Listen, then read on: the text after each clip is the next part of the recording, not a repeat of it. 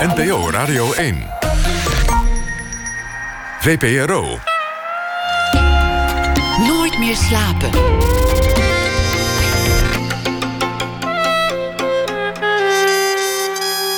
Met Pieter van der Wielen. Goedenacht en welkom bij Nooit meer slapen. Over jeuk zal het gaan zometeen als Kirsten van Tel na ene op bezoek komt. Zij is cabaretier en maakte een voorstelling Zalf over alles wat doet krabben. De Vlaamse schrijver Yves Petries schrijft een verhaal en draagt voor na ene. Een uh, oud verhaal dat hij heeft hervonden. En Rudy Kagi die is hier uh, te gast. Al op zijn achtste wist hij dat hij journalist zou willen worden. Kijken en vastleggen. De jeugddroom die zou ruimschoots uitkomen. Ruim 40 jaar zit hij inmiddels in het vak. Hij schreef tientallen boeken en zeer vele artikelen voor meestal Vrij Nederland. Over de SP, over fraude in de kunstwereld, over Suriname. In 2011 werd voor het eerst zijn eigen leven het onderwerp. Hij schreef een boek over zijn jeugd in een instelling in Voorschoten. Het nieuwe boek Hopman gaat verder dan dat boek. Over een oudere man die een bijzondere rol vervulde in zijn jonge leven. Als pleegvader, als mentor, beste vriend of in padvinderstermen als Hopman. Of was de man misschien gewoon verliefd op de jongen? Daar lijkt het een beetje op.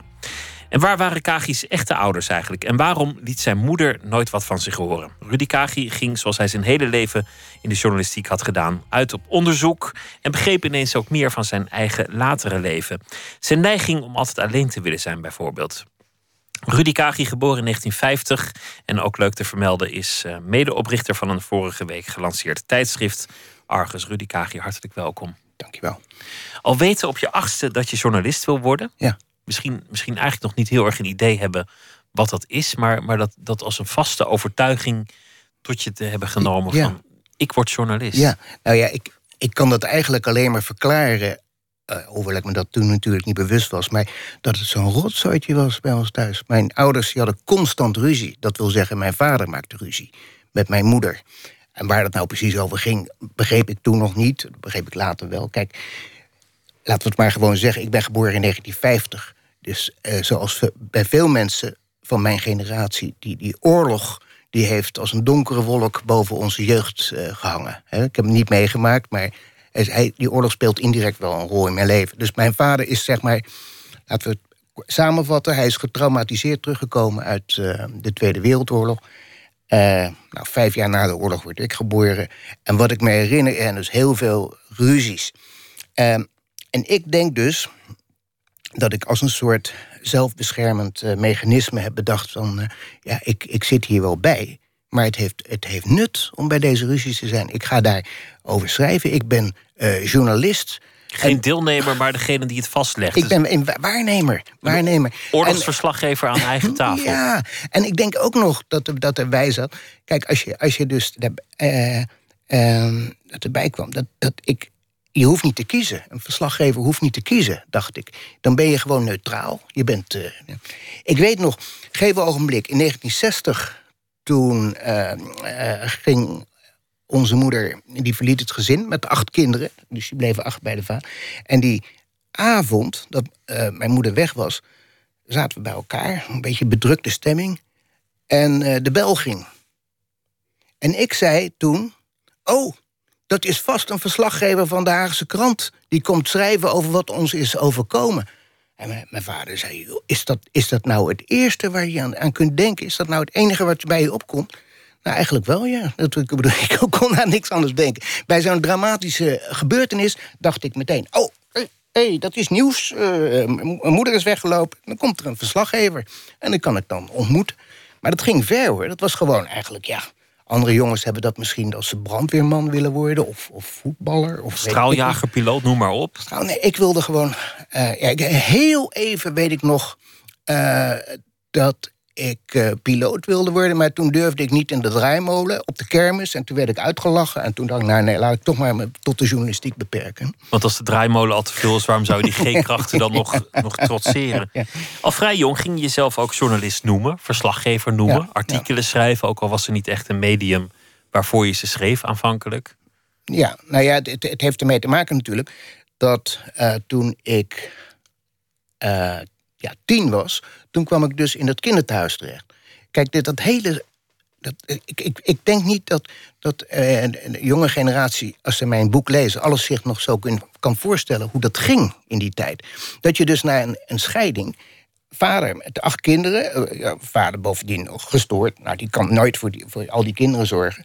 Dan komt dus geen ogenblik uh, een, een, mevrouw van. Uh, mijn vader was werkend, was een hele nette mevrouw en die, die belde aan en die kwam met ons praten een beetje, een beetje uithoren zo. Van, uh, oh, wat, en wat, wat eten jullie dan? E-, eten jullie vier keer per week macaroni met uh, boter en suiker? Mmm, boffen jullie even. Oh, intussen maar, die, die pen vloog over papier... want dat was natuurlijk het begin van... die kinderen moeten daar weg. Dat, is, dat, dat, dat gaat helemaal niet goed.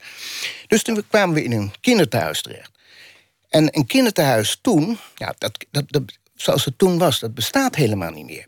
Kijk, kinder, kinderbescherming eh, is een onderdeel van justitie. Dus die kinderthuizen die werden ook justitieel gerund, zeg maar. Met isoleercellen en met een, een, een regime... Nou, wat, je, wat je eigenlijk helemaal niet meer voor mogelijk houdt... alsof het een strafinrichting was. De, wat toch ook weer in dat, eh, in dat kinderthuis mijn uh, bescherming was... dat ik vrij snel dacht van, ik, ik, moet, ik, ik, ben, ik ben journalist. Dus ik ga een krantje beginnen, de Nieuw-Vordorf-bode om jezelf een functie, een rol te geven en ook, ook een overlevingsmechanisme. Ik ben hier wel, maar ik ben niet het slachtoffer. Ik doe hier verslag. Ik, ben de oorlogscorrespondent die deze ellende vastlegt. Ja, ja, daar komt het eigenlijk neer. Het is de, de heel ja, merkwaardig. Ik, ik, ik, ik, toch kijk ik op dat maken van dat krantje wel met plezier terug. Ik, vond er, ik had daar erg veel uh, aardigheid uh, in. Ik geloof niet dat er veel mensen waren die dat nou lazen. Maar ik, ik had het toch, ik, ik vond dat leuk om, uh, om te doen. Dan zijn we ineens een halve eeuw verder. Dan heb je een fantastische journalistieke loopbaan gehad. Heel veel onderwerpen uh, verslagen, heel veel boeken geschreven, heel veel artikelen. En dan ineens duik je in dat eigen leven. Deed je dat dan ook zoals een verslaggever dat zou doen? Was je werkwijze eigenlijk hetzelfde wanneer het over je eigen leven ging? Ja, ja, ja natuurlijk. Eh, weet je wat het is? Ik, ik wilde het eens een keer allemaal goed uitzoeken. Ik wilde het uh, begrijpen. Uh, het is zo raar dat er allemaal dingen zijn in uh, mijn leven die, ik, die nooit iemand mij heeft uitgelegd. Van hoe, hoe zit het nou? En ik, de mensen bij wie ik terecht kwam, die waren niet communicatief. Ik, ik heb ooit uh, een, een, een, verzoek gedaan bij de voogdijinstelling die over mij ging. En toen heb ik gezegd van, ik zou graag mijn pupillendossier willen inzien. Want dat mag, wettelijk heb je daar dus het, het, het, recht op. En toen kreeg ik bericht van, nee, helaas, het dossier is vernietigd. Dat is gewoon gelogen, want ik heb dus vorig jaar die, die instelling, Kinderzorg Middelburg, die is opgeheven, gefuseerd. Nou, dat hele archief is overgebracht naar het Zeeuws Archief in Middelburg. En dan ben ik vorig jaar, dus voor het eerst, heb ik dat pupillendossier kunnen inkijken. En toen denk ik, ja, wat, en dan ben ik dus een beetje kwaad over. Uh, wat, wat is nou de reden om als een pupil zegt: ik wil mijn dossier inkijken. Wat, dat komt voort uit, uit de behoefte om dingen te snappen. Je wil weten, wat, wat is er gebeurd? Waarom is het ineens, ging gebeurde er toen dit? Waar, Nee, nee, dat mag je niet. En dat is ook wonderlijk, want het is wel bewaard. Dus als, als, het, dan, als het dan zo geheim is, waarom, waarom zou je het dan allemaal vastleggen, in een doos stoppen dat is, en bewaren? Dat is de kolder ten top. Dus ik bedoel, het wordt allemaal bewaard, maar het wordt nooit met mij besproken. En waarom het dan bewaard wordt, ik heb geen idee. Wat, wie daar dan wat aan heeft, dat, dat ligt daar maar te verstoffen. En dan is er eindelijk iemand. Nou, er is niemand geïnteresseerder in mijn verhaal dan ik zelf. En dan wordt er gezegd, nee, nee, dat... Uh, maar waarom dan? ik, ik, een soort angst. Of, uh, nou ja, het gaat, het, het gaat je niks aan.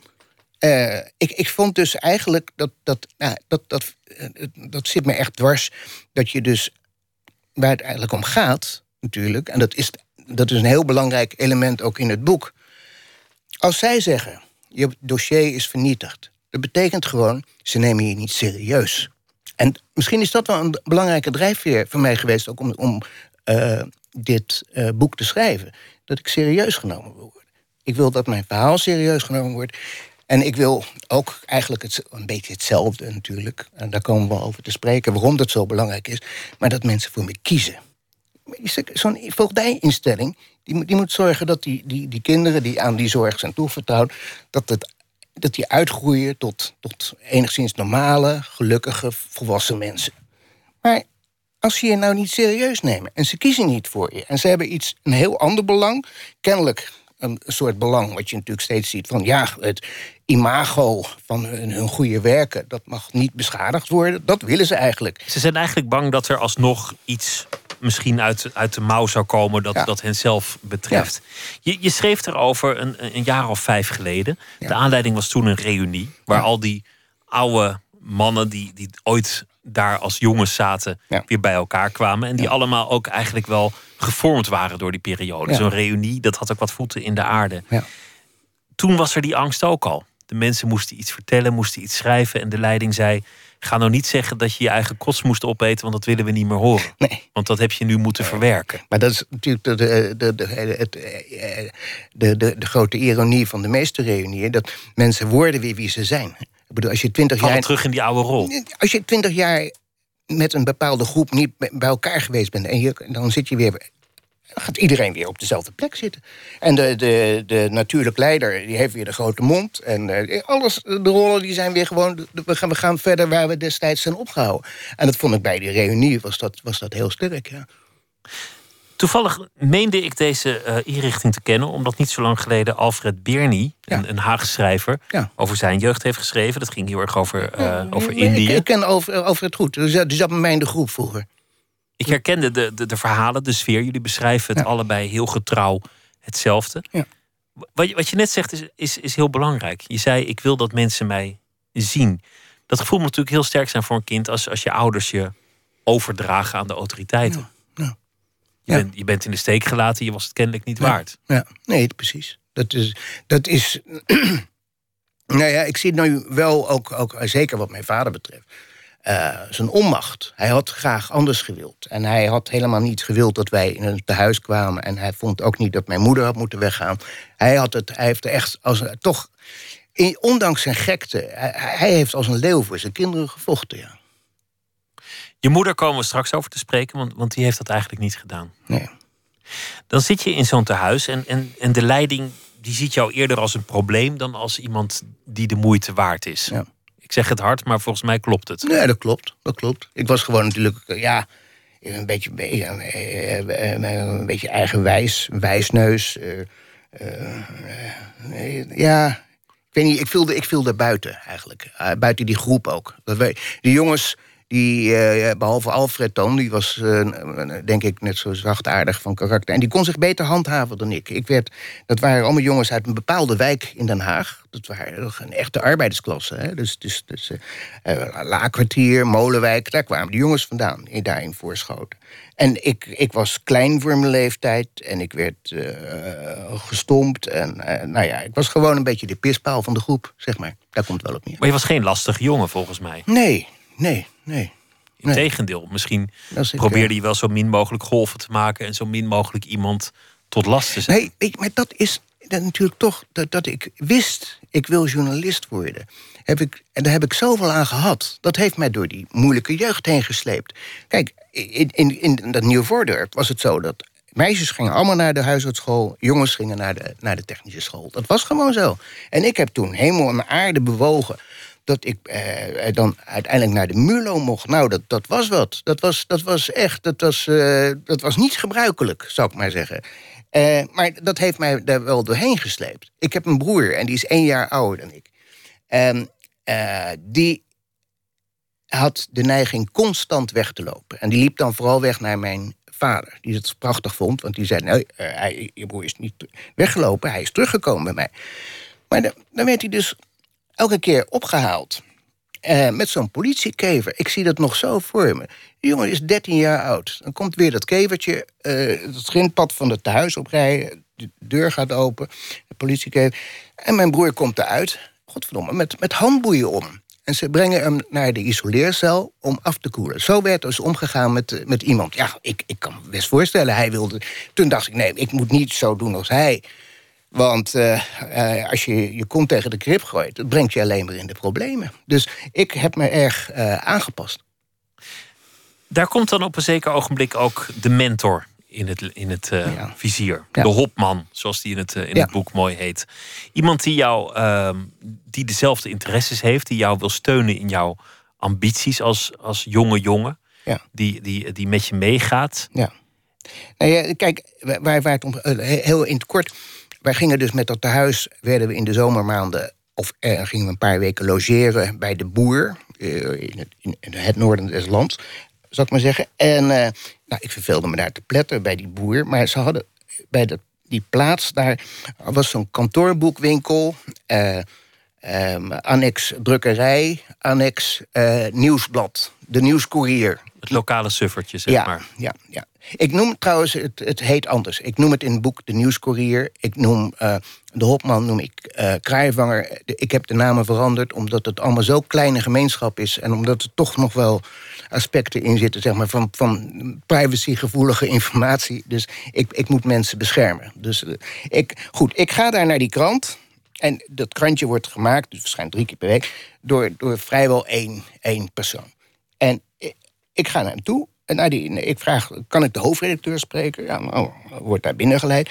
En er zit dus eh, de, eh, de journalist. Die eerste echte journalist die ik in mijn leven tegenkwam. En eh, nou, hij stelt zich voor en eh, we, we waren in gesprek. En hij zit op een gegeven ogenblik aantekeningen te maken. Ik zeg, oh, u, u gaat toch niet over mij schrijven? Ja, nou, zegt hij, misschien wel. Dus eh, meteen, eh, de- ik, ik ging terug naar Voorschoten. En toen, twee dagen later, zie ik in mijn eh, postvakje een krant. En ik sla hem open. De voorpagina, rechts onderin. Rudy Kagi, 12, eh, gaat eh, schrijven over ons, eh, onze stad. En, nou, en heel mooi. Dus nou, ik was zo trots als een aap, zeg. Dat, dat- ik had de voorpagina van een krant gehaald. Met dat ik daarover... Nou. En toen... En de bevestiging dat je journalist was en, en bestond. Absoluut, absoluut. En, en hij, hij schreef meteen een brief. En ik schreef eh, terug. En hij schreef van, eh, ja, kijk... Hij zegt, als jij journalist wil worden... Hij zegt, ik heb dat nog nooit meegemaakt met iemand die zo jong is als jij... maar als jij journalist wil worden... dan eh, wil ik jou daarbij helpen. Dus dat, daar kwam eigenlijk de mentor in beeld. Hij zegt, laten we nou eens beginnen met... als jij iets meemaakt wat de moeite waard is om over te schrijven... dat je daar een berichtje van maakt en dan stuur je mij dan op... en dan zal ik dat becommentariëren. Dus zo begon het eigenlijk. En ik weet nog dat ik, eh, nou ja, geweldig zeg. Eh, Met die, die man schrijven met een mooi, mooi handschrift. Eh, en ik geef om daar voorschoten. En voordat ik naar school ging, en er was een brand. Dus ik met mijn opschrijfboekje daar naartoe. En brandweerman gesproken en politiemensen en die, en die brand. En ik maak daar een prachtig verslag van. Hè, van dat er, nou, dat, en dat stuur ik aan, aan hem op. En dan krijg je ontzettende. Ja, een beetje. Ik, ik, ik schrok, want hij schreef me dus terug van ja, ik heb het eh, verslag gelezen, het is leuk. Maar er zitten wel een aantal slordigheden in. Hij zegt, je, je schrijft bijvoorbeeld in de eerste zin. eh, er- dat er een vrij onverwachte brand uitbrak. Hij zegt dat is onzin, want elke brand is onverwacht. Ja, meestal En- wel, ja. en zo had hij nog een paar van die kritiekpunten. Maar hij zegt van ook ja, hij zegt maar één oog, je hebt oog voor detail, want je schrijft ergens dat de brandweerlieden, uh, dan zag je de pyjamabroek onder hun, eh, hun uniform eh, eh, uitkomen. En dat je hebt oog voor detail. Nou, en eerst was ik teleurgesteld. Ik dacht van, ja, eh, als hij nou ook al Piet Luttig gaat doen. Ik heb verder zo weinig mensen die, met wie ik eh, een beetje leuk contact heb. En dan gaat hij een beetje.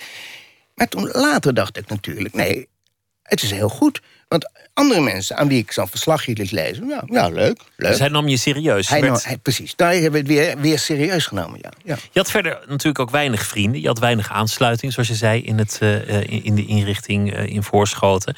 Die vriendschap met de Hopman. Ik, vind, ik vind het wel leuk om gewoon de Hopman te noemen. Ja, nou, die, die, die loopt eigenlijk op allerlei manieren uit de hand. Al gauw wordt Ja. het je beste vriend, dan wordt het een soort pleegvader. Althans, Die Nou, rol bedeelt hij zichzelf toe. Geen on- onbelangrijk detail, dat hij dus op een gegeven ogenblik zegt hij van... eh, oh, jij zit bij de padvinders. Ik ben ook leider bij de padvinderij. Hè, dus hij is, hij is hopman bij de padvinderij. Dat, en nou komen dus dan dingen samen. En hij is, zeg maar, mijn mentor, journalist... maar hij is ook nog eens een keer hopman, leider bij de padvinders. En hij nodigt mij uit om een kamp bij te wonen van hem. Dus zo, zo ontwikkelt zich die, die, die, die vriendschap. Toen ik het las, dacht ik, deze man was gewoon smoorverliefd op deze jonge jongen.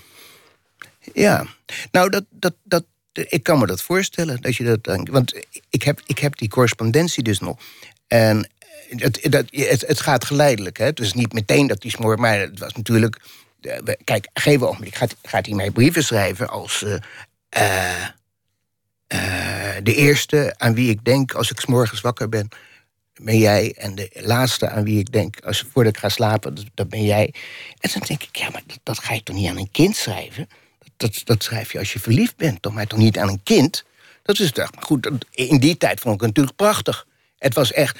Kijk, en, en nou komen we natuurlijk op het punt, want ik heb daar gegeven ogenblik. Hij woonde in een pension. Dat, was, dat bestaat ook eigenlijk niet meer. Zo'n werkliedenpension. Uh, dus vooropgesteld, deze man is uh, vrijgezel. Hè? Hij is uh, geboren, hij is 23 jaar ouder dan ik. Dus toen ik 12 was, was hij 35. Hm? En hij woonde in een pension, wat in die tijd wel gebruikelijk was voor, voor vrijgezellen. Dus hij had eigenlijk zijn leven aardig voor elkaar. Want voor zijn sociale contacten en zijn vriendschappen had hij de padvinderij. Hij had werk wat hij leuk vond. Nou, in het pension, er wordt voor hem gekookt, er wordt zijn bed opgemaakt. Uh, heeft hij, nou, dus eigenlijk ja, had, hij, zo een soort vorm gevonden voor dat, uh, voor dat vrijgezellen bestaan. En toen gegeven ogenblik was het uh, dus een jaar nadat ik bij hem binnenkwam, mocht ik bij de Hopman logeren. Dus niet meer bij een, een, een zo'n boerenfamilie zoals het jaar daarvoor, maar ik kwam bij de Hopman. Op, en, en er had een kamertje geregeld in dat, in het pension. En ik vond dat geweldig natuurlijk, want hij had een, een, een scooter, een Vespa. En ik ging achterop zitten en dan chasen we de hele uh, provincie door. En uh, op reportage. En ik ging mee als die uh, kampen ging bezoeken voor van de padvinders. En allemaal Wat was er wantrouwen bij, bij, de, bij de, de, de, de kinderbescherming en de, de, de mensen van, ja, van de inrichting? Ja, ja. nee, daar heb ik. Zo'n alleenstaande man. Ik heb, dat, ik heb dat ook wel teruggevonden in de, in de papieren later. Dat, het hing er eigenlijk maar ja, aan een zijde draadje. Het was bijna niet doorgegaan. Want op het laatste moment was ineens uh, iemand van de directie van het tehuis. En die zei: Nou ja, nee, maar we, we zijn er toch niet, niet helemaal gerust op hoor. Want, nou, en toen heeft die Valdes van mij, het was nog geen Valdes, maar de Valdes, die, nee, ik, ik neem de verantwoordelijkheid. Want die zag ook wel dat ja, ik had zo'n intensief contact en we schreven. En als nou, ik had me er helemaal op verheugd. En stel je voor dat er dan ineens werd gezegd van... ja, nee, eh, het gaat niet door. Dan zou mijn wereld uh, ineengestort zijn. Want verder had je niks. Dat, daar verder, komt verder, verder, had ik niks. Daarom, daarom, stelde je misschien ook geen vragen bij allerlei dingen die gebeurden. Zoals het, het tongzoenen. Dat hij op een gegeven moment... Dat, dat is geleidelijk, jou, jou geleidelijk ging, ging, zoenen zoals je een, ja. een, een, geliefde zou kussen. Ja, dat is er geleidelijk ingekomen. Dus zeg maar die twee weken dat ik dan bij hem logeerde in het uh, pension... Dan hadden we s'avonds het, het zogeheten schemeren, dat had hij bedacht. En uh, nou, altijd, altijd met kaarslicht en zo. En, en, en het was natuurlijk ook, niet vergeten, met een, een, een religieus uh, uh, sausje overgoten. Want die man was dus Nederlands hervormd. Een, goede, een goed christen. Hè? Jij was door God gestuurd. Ik was, ik was door God op zijn weg geplaatst. En als je nou hebt over de, de, de relatie uh, religie en, en erotiek, waar natuurlijk wel uh, het er nodig over gezegd en geschreven is. Als ik daarop terugkijk, dat, dat, dat ik dus. Um, hij trok mij op zijn schoot, en sloeg een arm om me heen. En zei: Oké, we, gaan, we gaan nu samen bidden. En dan begon hij dus te bidden. Oh, Heer, ik dank u dat u deze jongen op mijn weg geplaatst heeft. Nou, dan. En uh, hij zei: Ja, en nu jij. Nou, dan moest ik zeggen van... Heere God, ik dank u dat uh, ik de Hopman heb leren kennen... en dat ik het allemaal zo geweldig heb. En, uh, en uh, nou, zegt hij, je moet ook even bidden voor je broers, broertjes en je zusjes. En voor je vader en je moeder. Doe maar. Nou, heer, dan. Maar dat is, een, is van een ongelofelijke intimiteit. Kun je dat voorstellen? Een hopman, arm om je heen, ogen dicht, allebei echt dichterbij kan bijna niet. Dichterbij kan bijna niet. Zeker als je komt uit een, uit, een, uit een tehuis waar niemand elkaar ooit aanraakt, behalve om een klap te geven. ja, nee, precies. precies. En dat, dat tongzoenen, ja, ik bedoel, dat gaat natuurlijk geleidelijk. Dat gaat eerst, eerst gewoon zoenen. En uh, een gegeven ogenblik uh, zoenen op de mond. Een gegeven ogenblik even snel zo met de tong eroverheen. En dan gegeven ogenblik gaat die tong echt, echt naar binnen. En ik, ik moet zeggen... Dat, ja, mensen vragen, ja, maar wat, wat voelde je toen? Wat voelde je nou? Nou, ik voelde niks. En verder ging het ook niet. Het was, het was niet hand in het broekje of, of andere nee. seksuele handelingen. Nee, nee, nee, nee. nee. Voor een rechtbank zou dit tegenwoordig al verkrachting heten. Het is, uh, het is een vorm van penetratie natuurlijk. Eigenlijk, tongzoenen is een vorm van penetratie. Je kunt niet zomaar met iedereen uh, tongzoenen. Het is het, letterlijk het binnendringen van het lichaam. Ja. ja. ja. Nou ja, het is... Uh, ik, ik, ik bedoel, ik, ik, ik, ik, weet je wat het was? ik had toch, zoals ik het ergens schrijf, van het idee van, uh, nou ja, alsof er een gebruikt uh, stukje kauwgom in mijn mond werd gepropt, zo'n beetje. Ik bedoel, ik, het, het, het had voor mij totaal niet uh, een, een, een, de connotatie dat het, dat het mijn, mijn, mijn, mijn lust opwekte. Ik, eigenlijk vond ik dat bidden veel erotischer, achteraf gezien. Maar als ik erop terugkijk. Ja, gek, was, is, gek, is, dat. Maar je was dertien of zo. Wat ja. wist je nou helemaal? Ik wist niks. Ik wist niks. Maar ik denk wel. Uh, kijk, ik, ik ben uh, 100% hetero, denk ik. Maar stel je voor, als ik nou. Als ik, ik denk dat, dat, je, dat ook een jongen van 13. dat hij dat wel degelijk uh, homoseksuele gevoelens kan hebben. Stel voor, als ik dat nou beantwoord had, die, tongzoen. Van, om door, door, door zelf een beetje het initiatief te nemen.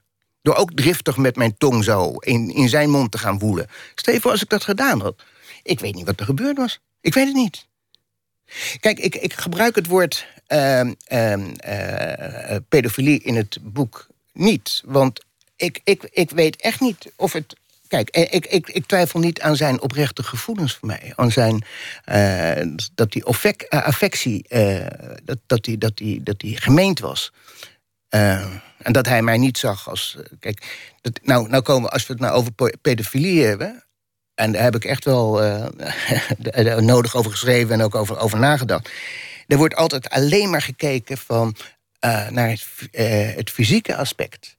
Dus ja, heeft hij nou wel of niet aan de pikje gezeten? Daar gaat het eigenlijk om, toch?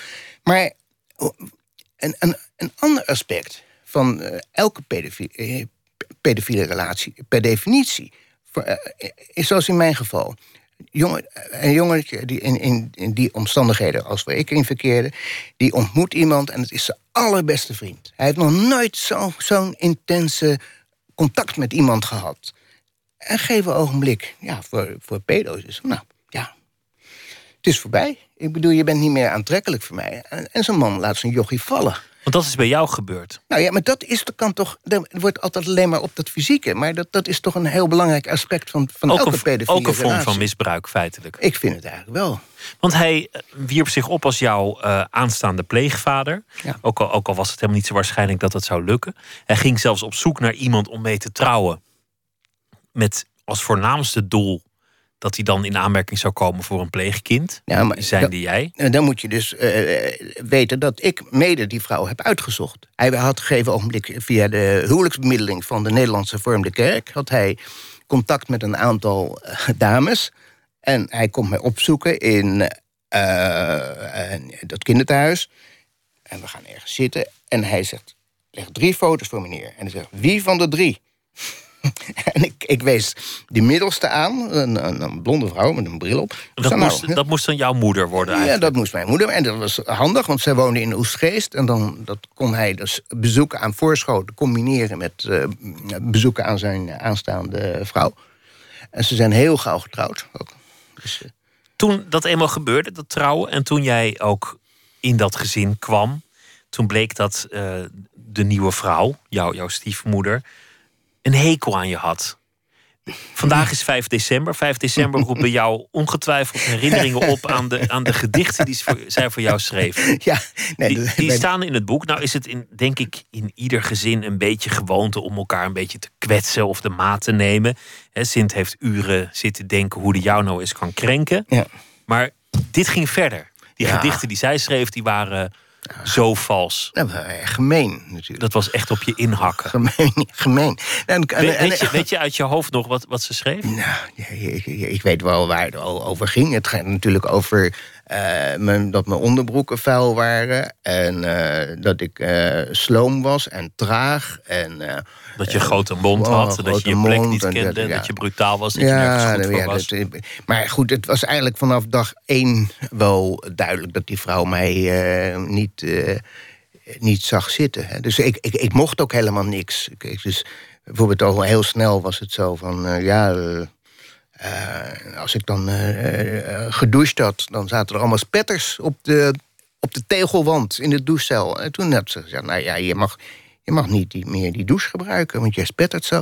Dus toen moest ik me in de keuken wassen. En één keer per week op zaterdag dan naar het, het openbare badhuis. En, maar goed, het is maar een voorbeeldje. Maar het, het, het, is, het is vernederend. En ik schaamde me ook. Hè. Want ik, ik weet nog, dan ging ik dat badhuis binnen.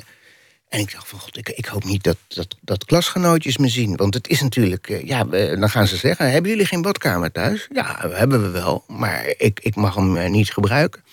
En de rest van het gezin wel. En de rest van het gezin wel. En later de andere kinderen Ja, ook. natuurlijk, natuurlijk. Maar ik, het is grappig, ik had er laatst met een vriend van me over... en die zegt van, ja, maar weet je, nou, denk je niet dat die vrouw...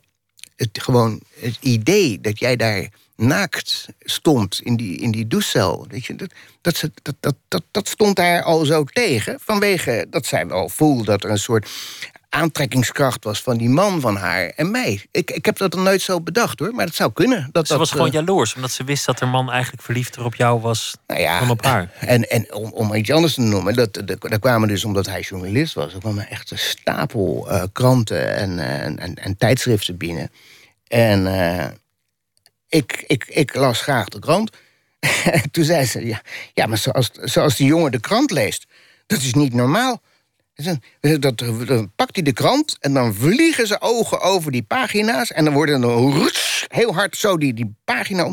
Afgelopen, geen kranten meer lezen. Dus ik, ik mocht geen kranten meer inkijken die daar eh, kwamen. Jij mocht gewoon niks wat je leuk vond. En helemaal niks. En toen, zei ik, toen was, was ik alleen met haar thuis... en toen eh, wilde ik de televisie aanzetten, want het journaal was er.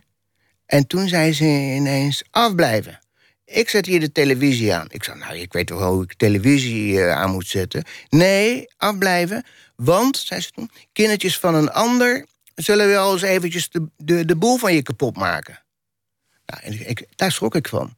Want dat had ze, zo had ze zich nog nooit zo duidelijk tegen mij eh, afgezet. Daar werd gewoon gezegd, je bent niet mijn kind. Ik heb, ik heb nooit eh, iets daar kapot gemaakt. Maar het, gewoon het, maar ik, ik begrijp het wel. Ik, ik- Maar dat, ver- dat valt mij op in het boek, dat je, dat je, je hebt het allemaal uitgezocht, opgeschreven, Ja.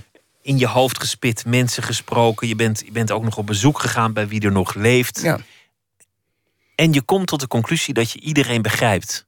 Je begrijpt de hopman, je begrijpt de stiefmoeder die jou, die jou echt rot heeft behandeld. Ja. Je begrijpt de mensen van de inrichting. Je Ja. begrijpt eh, mensen die jou, die jou een hengst hebben verkocht. Mensen die jou in de kou hebben laten Allemaal. staan. Je begrijpt je vader. Ja.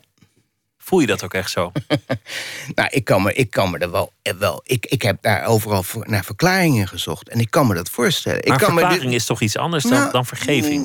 mm, Ja, ja. Nou ja, ik. ik, ik, Ik kan ook wel verklaren waarom iemand met zijn scooter tegen me aanrijdt. Maar vind ik nog steeds niet leuk. is moeilijk. Kijk, wat, wat het is natuurlijk. En, en, en dat is voor mij een hele belangrijke reden geweest om, om dit boek te schrijven. eh, om mijn houding te bepalen. Bijvoorbeeld ten aanzien van de Hopman. De Hopman aan wie ik zoveel te danken heb. Dat ik, dat ik journalist ben geworden, dat ik eh, een redelijke opleiding heb. eh, Dus heb ik allemaal aan, aan hem te danken. Maar aan de andere kant. Omdat hij jou heeft voorgedragen voor de MULO. En omdat hij jou Ja, heeft bevestigd in dat jeugdig verlangen om journalist te En hij worden. zag op een zeker moment iets in mij dat tot dan toe niemand gezien had. Hij zag het, weet je. Ik was, ik was, ik was een soort eh, uit, uitverkorene. Maar daarna doet hij weer zo raar. Want dan, dan doet zijn vrouw heel, heel lelijk. En, en dan zegt hij niet van... ho, ho, eh, dit hadden we niet afgesproken. Hij heeft je laten En, vallen. eh, hij heeft me dus laten vallen. En dat was een vorm van verraad. Maar dat heeft me eigenlijk... Heel gek hoor, maar dat heeft me dus... de rest van mijn leven... heb ik, heb ik eigenlijk nooit echt geweten van... nou, wat, wat moet ik nou van die man vinden? Ik, ik, ik wist het... Ik, heb ook heel lang geen contact meer eh, willen hebben. Want het, ik, ik, het, het werd me te ingewikkeld. Eh, en, die, en die vrouw, ja, ik, die, die was natuurlijk eh, ge- gewoon jaloers. En het was ook een onduidelijke situatie. Want wat was ik nou eigenlijk? Hij was, hij was geen weduwnaar. hij was niet gescheiden. Het was gewoon een hopman en een jongetje. Nou ja, en daar had zij, omdat zij bang was dat ze hem anders niet zou krijgen, heeft zij, is zij meegegaan in die constructie. En uh, dat is haar gewoon vies tegengevallen. Nou, toen dacht ze van... Want dat, dat komt er dus eigenlijk op neer. Toen um, zou, was zij voor de tweede keer zwanger. En toen werd er gewoon gezegd van... Ja, uh, nou ja, jammer, uh, maar we hebben die kamer nodig als, als babykamer. En toen moest er voor mij een ander gezin gezocht worden. Jij moet dus, weg, want, want er komt een tweede aan. dan kwam een tweede kind aan. Misschien is het wel een soort journalistieke strategie. Zoals je zei, ik ben een buitenstaander, ik registreer... ik zit niet echt in dit huis, ik ben de oorlogsverslaggever. Hm. Dat je ook later hebt gedacht van... ik kan ieder standpunt begrijpen, ik kan zien hoe het zo gekomen is... Ja, misschien. Zo is het gegaan misschien, en, zo kun je misschien ook die wrok ik, ben, ik ben weghouden. Ook, ik ben ook, uh, ja, eigenlijk, uh, ik ben niet rancuneus vind ik. Ik, ik had ook. Ik had het zou je ook niks brengen. Nou, het, het zou, als, als ik nou, laten we zeggen, dit jaar, dit boek twintig jaar geleden had geschreven, dan was het anders geweest. Dan was ik veel, nog veel feller, rancuneus, aanklacht. Het is helemaal geen aanklacht. Het is gewoon, ik beschrijf eigenlijk, vind ik, als je het eh, zo leest, een beetje hoe mensen in, in bepaalde situaties op elkaar reageren. En ik zie een enorm uh, uh, onvermogen. En ook eigenlijk wat, je, wat ik zie nu aan de hand van alle stukken die ik gelezen heb. Echt als een journalist, je ziet alle kanten. Maar, maar, maar ik, ik, ik, ik, wat, wat ik, dat vond ik echt. Kijk, mensen tegen wie ik erg opkeek, weet je wel. En ook de mensen van de Raad voor de Kinderbescherming en uh, die Veldijvereniging. Ik, ik, kijk, nou, en het, ik, nu heb ik het allemaal bestudeerd en ik zie alleen maar ja, geklungel en gestuntel en uh, enorm uh, onvermogen. Uh, van zijn kant ook zie ik wel schuld, schaamte. al die, die dingen die komen een beetje samen.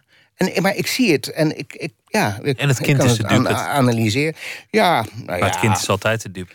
Je moeder, want, want daar, daar zijn we eigenlijk uitgeweken. Ja.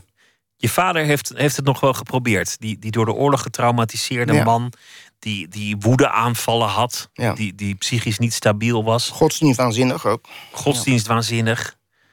Dan was er die moeder, die was gewoon verdwenen. Die, die moeder heeft nooit meer wat van zich laten horen eigenlijk. Die moeder is naar Zeeland vertrokken. Je bent op zoek gegaan naar je moeder in Zeeland. Ja, nou ja, ik heb mijn moeder nog wel uh, voor haar overlijden, dus in 2000 overleden, heb ik er nog wel uh, gezien. maar niet echt een gesprek met haar kunnen voeren. Ik, ik heb toen ik daar in, in, in dat pleeggezin zat, heb ik brieven geschreven aan mijn moeder. Van waarom hoor ik nooit iets? En, dit. En, ze schreef nooit terug. Ja, met mijn verjaardag kreeg ik een of ander onnozel uh, aanzichtkaart. En dan uh, van harte uh, gefeliciteerd, je moeder. Nou ja, oké. En groetjes. Ja, groetjes terug. Ik, ik, ik had er helemaal niks aan. En ik begreep het ook niet. en toen, eigenlijk, doordat ik aan dit boek aan het werken was... dus dacht ik van, nou ja, kijk, mijn moeder... die heeft tot 1962... had ze de voldij over de kinderen... En een gegeven ogenblik is die uh, voldij daar weggehaald en overgegeven naar een voldijvereniging. Toen dacht ik, nou dan, als dat zo is, dan moet er een beschikking zijn van uh, de rechtbank uh, in, in Middelburg. Dat je je kinderen uit handen geeft? Ja, ja. Dat, en dat zij dus daarmee mee, mee instemt. Of, en, dus ik heb toen een, een, dat moest ik schriftelijk indienen, een verzoek bij de arrondissementsrechtbank in Middelburg.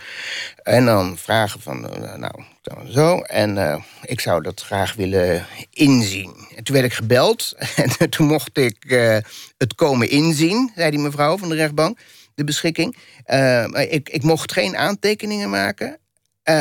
en ik mocht ook geen fotocopieën maken. En een gedeelte van de tekst zou worden zwart gemaakt. Nou ja, dan praten we dus over iets, een, een beschikking uit 1962. Ik vind het echt te, te, gek voor woorden. Want heb je weer eigenlijk wat ik net zei, weet je wel, dat, dat, dat weghouden van. Ja, dat jij nog steeds het kind bent, niet alles mag weten. Ik, ik probeer het te begrijpen, ik probeer zo zo precies mogelijk te reconstrueren. En dan wordt het gedeelte zwart gemaakt en ik mag geen kopie. Nou, het is te gek voor woorden. Maar goed, ik ben daar naartoe gegaan. En ik heb. Uh, iets van drie à viertjes. En ik heb dat gelezen en nog een keer gelezen en nog een keer gelezen. En, daarna ben ik naar buiten gehold en heb het allemaal op een, eh, een bankje in de zon eh, opgeschreven... wat ik eh, zojuist gelezen had. En daar stond in dat moeder is, maakt een, een, een zeer mat, psychisch zwakke indruk. ze vragen of ze het allemaal aan kan. Moeder heeft de neiging om aan te pappen met mannen die verslaafd, staan, verslaafd zijn aan sterke drank, stond er. Ehm, er zijn twijfels aangaande haar zedelijk gedrag. Mijn moeder laat zich vermoedelijk in met prostitutie. Zie je, ik heb het echt uit mijn hoofd geleerd. Ik kan het zo, want ik heb het zo vaak gelezen en ik heb het opgeschreven. Maar je moet, je moet het uit je hoofd leren en dat, dat zit er nog steeds. Dat is een hard woord dat je moeder waarschijnlijk prostituee was. Ja, ik, ik, heb, ik heb daar eigenlijk nooit bij stilgestaan. Ik had het, ik had het misschien kunnen vermoeden. Maar ik heb, ik, dat, die gedachte is niet bij me opgekomen. Het was wat je vader riep toen hij toen die wegging. Ja, ja. Toen ze uit elkaar gingen, riep je vader vuile hoer. Ja, ja, en, en ik vond het bezopen, want dat schrijf ik ook in het boek. Dat gegeven ogenblik, eh, toen was mijn moeder weg en dan zaten we daar zonder, zonder vader in dat gezin. En dat mijn vader s'avonds laat op een zaterdagavond, dat heeft hij een paar keer gedaan, dan trok hij die lange uh, leren jas van hem aan en dan ging hij weg. En hij ging namelijk, hij ging naar de Geleenstraat in Den Haag, een bekende hoerstraat in Den Haag, en dan ging hij kijken. Of daar mijn moeder misschien achteraan. Nou ja, dat is natuurlijk idioot. Want dat, dat, dat, dat zou mijn moeder, acht kinderen, die, die gaat echt niet van, van dat gezin meteen daar achter het raam zitten. Dat was, eh, dat een waandenkbeeld van mijn, eh, van mijn vader. Maar het gekke is dat ik zeg maar tot omstreeks mijn dertigste, als ik in Den Haag moest zijn, dan kon ik de verleiding nooit weerstaan om eventjes door de Geleenstraat te lopen. En toch, toch op zoek naar die moeder op een gekke manier. Ik, ik, ik, ik heb daar achteraf geen verklaring voor.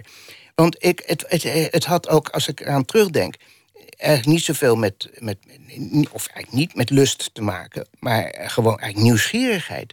En uh, uh, ja, ik heb, ik heb dat helemaal nooit gehad in Amsterdam, waar ik dan woon, dat ik dacht van nou, dan ga ik eens lekker over de wallen lopen. Daar had ik het dus niet. Het was alleen die Geleenstraat. Ik kan dat niet loszien. Dat van dat beeld van mijn vader in die leren jas zaterdagavond. Van ik ga kijken of je moeder achter het raam zit in de, uh, in de Geleenstraat. En dan kwam hij terug en nou, hij zat er niet.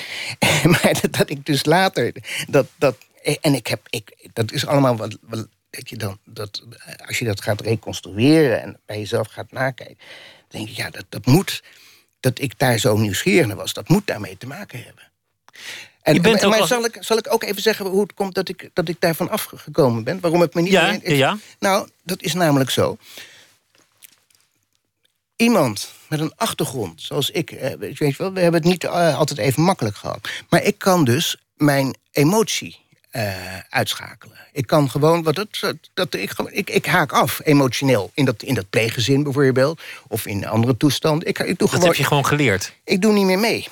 Nou, en het is een, een prachtig overlevingsmechanisme. maar het, aan de andere kant ben je daardoor ook loop je het gevaar dat je onthecht raakt. En ik ben in zekere zin ben ik, uh, onthecht. En iemand die deze uh, kwaliteiten heeft die ik, ik, dan heb. Dat je dus zeg maar, de knop kunt omdraaien, dus je emotie kunt uitschakelen. Ik zie ook wat daar gevaar van is.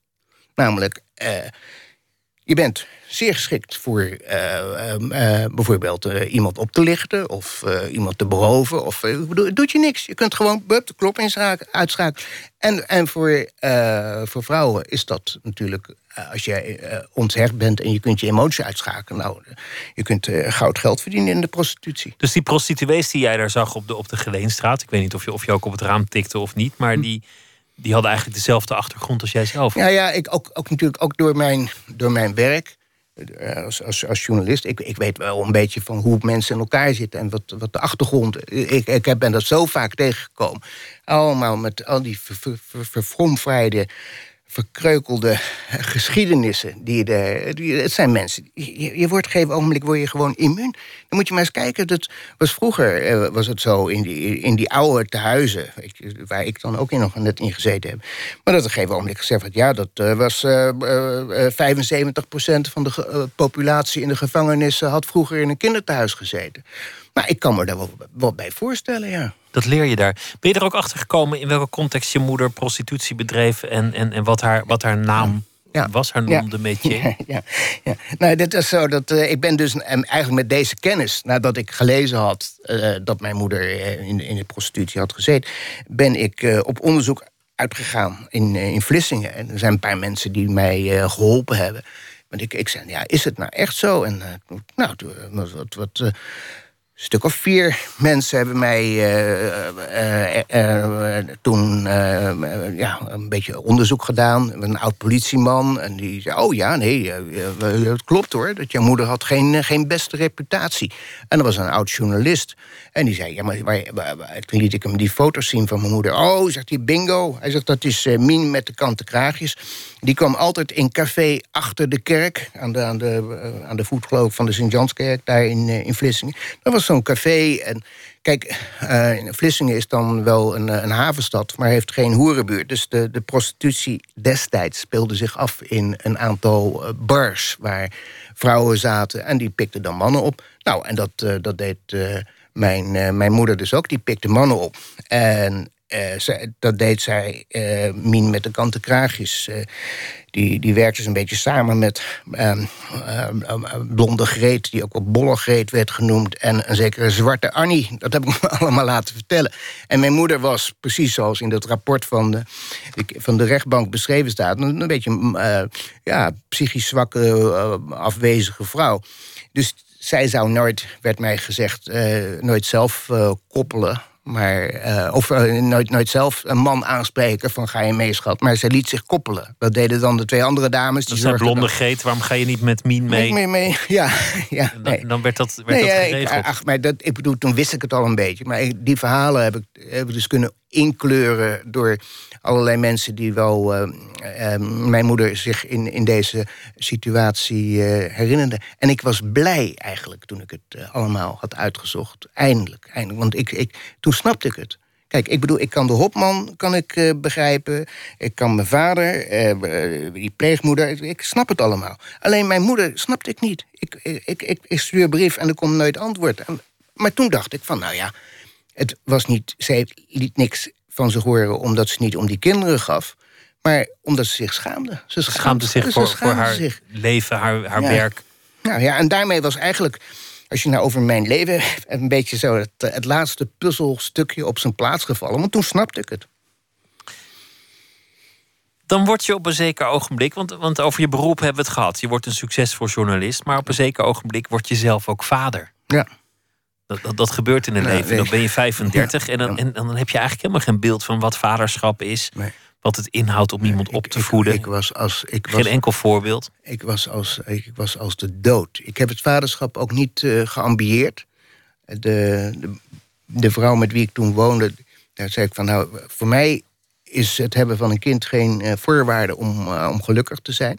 Dat was in eerste instantie wel met haar eens. Maar ja, dan is bij vrouwen... dan gaat op een gegeven ogenblik ook een, eh, een biologische factor. Hè. De klok gaat tikken. Dan komt... eh, het magische jaartal 40 in zicht. En dan moet het toch eigenlijk wel gebeurd zijn. Dus, eh, dan, en dus misschien ook iets hormonaals. Maar goed, zij wilde toen heel graag wel een, een kind. En dat is een, gruwelijk dilemma. Ik vond het zo moeilijk. Weet je dat ik zelfs, dat weet ik nog, op, op zoek geweest ben naar boeken die, die daar een beetje over gingen. Over, over dat dilemma. Kijk, een half kindje kan niet, hè? Je kunt, en je kunt praten het tot je het ont- dilemma, moet je, moet je wel een kind nemen als je zelf als kind nooit gezien bent? Ja, is dat ja, ja, dat is, eh, ja. Ja, ja, maar, maar ik, ik, ja, en, en, en natuurlijk, ja, wat had ik nou als, als, als voorbeeld? Dan met mijn eigen vader. Nou, dat was geen succes. En, en, en, en die, die, die, die Hopman, die zich mijn vader eh, noemde, eh, eh, dat, dat was ook eh, helemaal, helemaal niks. Allemaal sentimenteel gedoe. Ik, ik, ik, ik vond er geen bal aan. Ik dacht, nou, wat, wat ik eigenlijk eh, eh, liever wil, is gewoon een goede journalist zijn. Dus, eh, maar ik kon er met niemand over praten, viel me op. Dus echt. En iedereen, toen, werd je vader, Ja. toen, toen was er dat kind. Ja, Dan, dan word je geacht door de omgeving om intens gelukkig te zijn. ja, was ik niet. Was ik niet. Ik ben toen ook binnen een paar maanden ben ik, ben ik weggegaan. Eigenlijk met het idee van eh, ja, wat even wat afstand nemen. Nou, maar dan weet je al gewoon dat dat, dat, dat, dat komt niet meer goed. Weggehold gewoon. Nou ja, het, het- weet je, het is een soort. eh, self-fulfilling prophecy. Als je bang bent om eh, een gescheiden vader met een kindje te worden, dan word je dat ook, hè? Ja. Dan deed je eigenlijk een beetje hetzelfde als wat jouw ouders hebben gedaan aanvankelijk. ja, eigenlijk wel. Behalve dan dat je natuurlijk, uh, mijn zoon Anton, ja, zich ook niet herinnert dat ik daar in huis gewoond heb. Wat natuurlijk erg is voor een kind, is uh, de telefoon te moeten aannemen en zeggen van papa woont hier niet meer. Dat, uh, dat die, die fase heeft hij overgeslagen. Hij is gewoon door zijn moeder opge opgevoed. Wat was het moment dat je toch besloot het vaderschap te aanvaarden en wel degelijk vader te worden? Om, om niet te rennen en niet om te kijken, maar om, om, om, om wel vader te worden. Nee, dat weet ik nog heel goed. Dat was, ik was. Uh,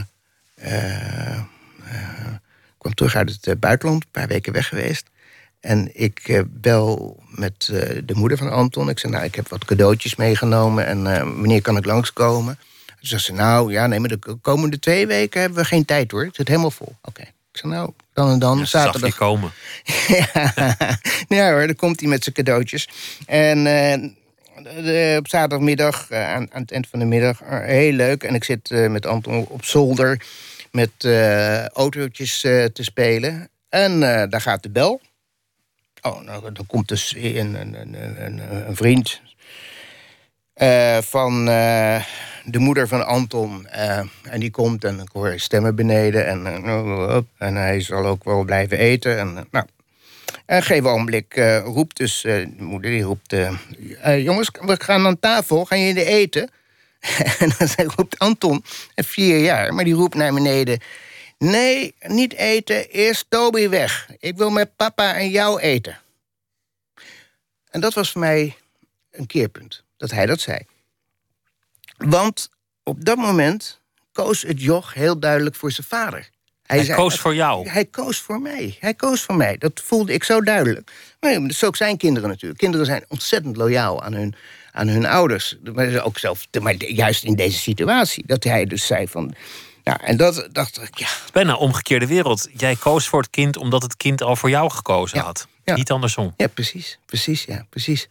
Precies. Ik, ik vond... Nee, ik, ik, ik, ik, ben gewoon, ik vond er gewoon geen bal aan, dat, dat, hele, dat hele vaderschap niet. Maar daarna ben ik het wel leuk gaan vinden. En we hebben nu een heel goed uh, contact. En ik heb ook al die jaren, hij is nu ook al een man van 30. Hè, dus, uh, maar we hebben altijd uh, toch we hebben reizen gemaakt. we hebben, nou, gewoon eigenlijk een normaal contact, vader en zoon, zou ik maar zeggen. Hè, er komt niemand tussen. Hm? En nu is dit boek af aan het, aan het eind van een, van een, een loopbaan. Je, je bent nog verder gegaan met het, met het tijdschrift Argus, maar. Dat bewaren we voor een andere keer. Is het nu goed, nu, nu je dit verhaal hebt uitgezocht als een journalist, nu je op onderzoek bent gegaan, nu je, nu je alle kanten hebt gezien, alle dossiers gelezen, alle verhalen gehoord, ja. zelfs nog terug bent gegaan naar de mensen die nog leven? Ja. Ja. Is het goed? Ja, ja, ik denk het wel. Ik, ik, dit is eigenlijk ja, gewoon het boek dat ik gewoon dat ik altijd nog eens moest schrijven.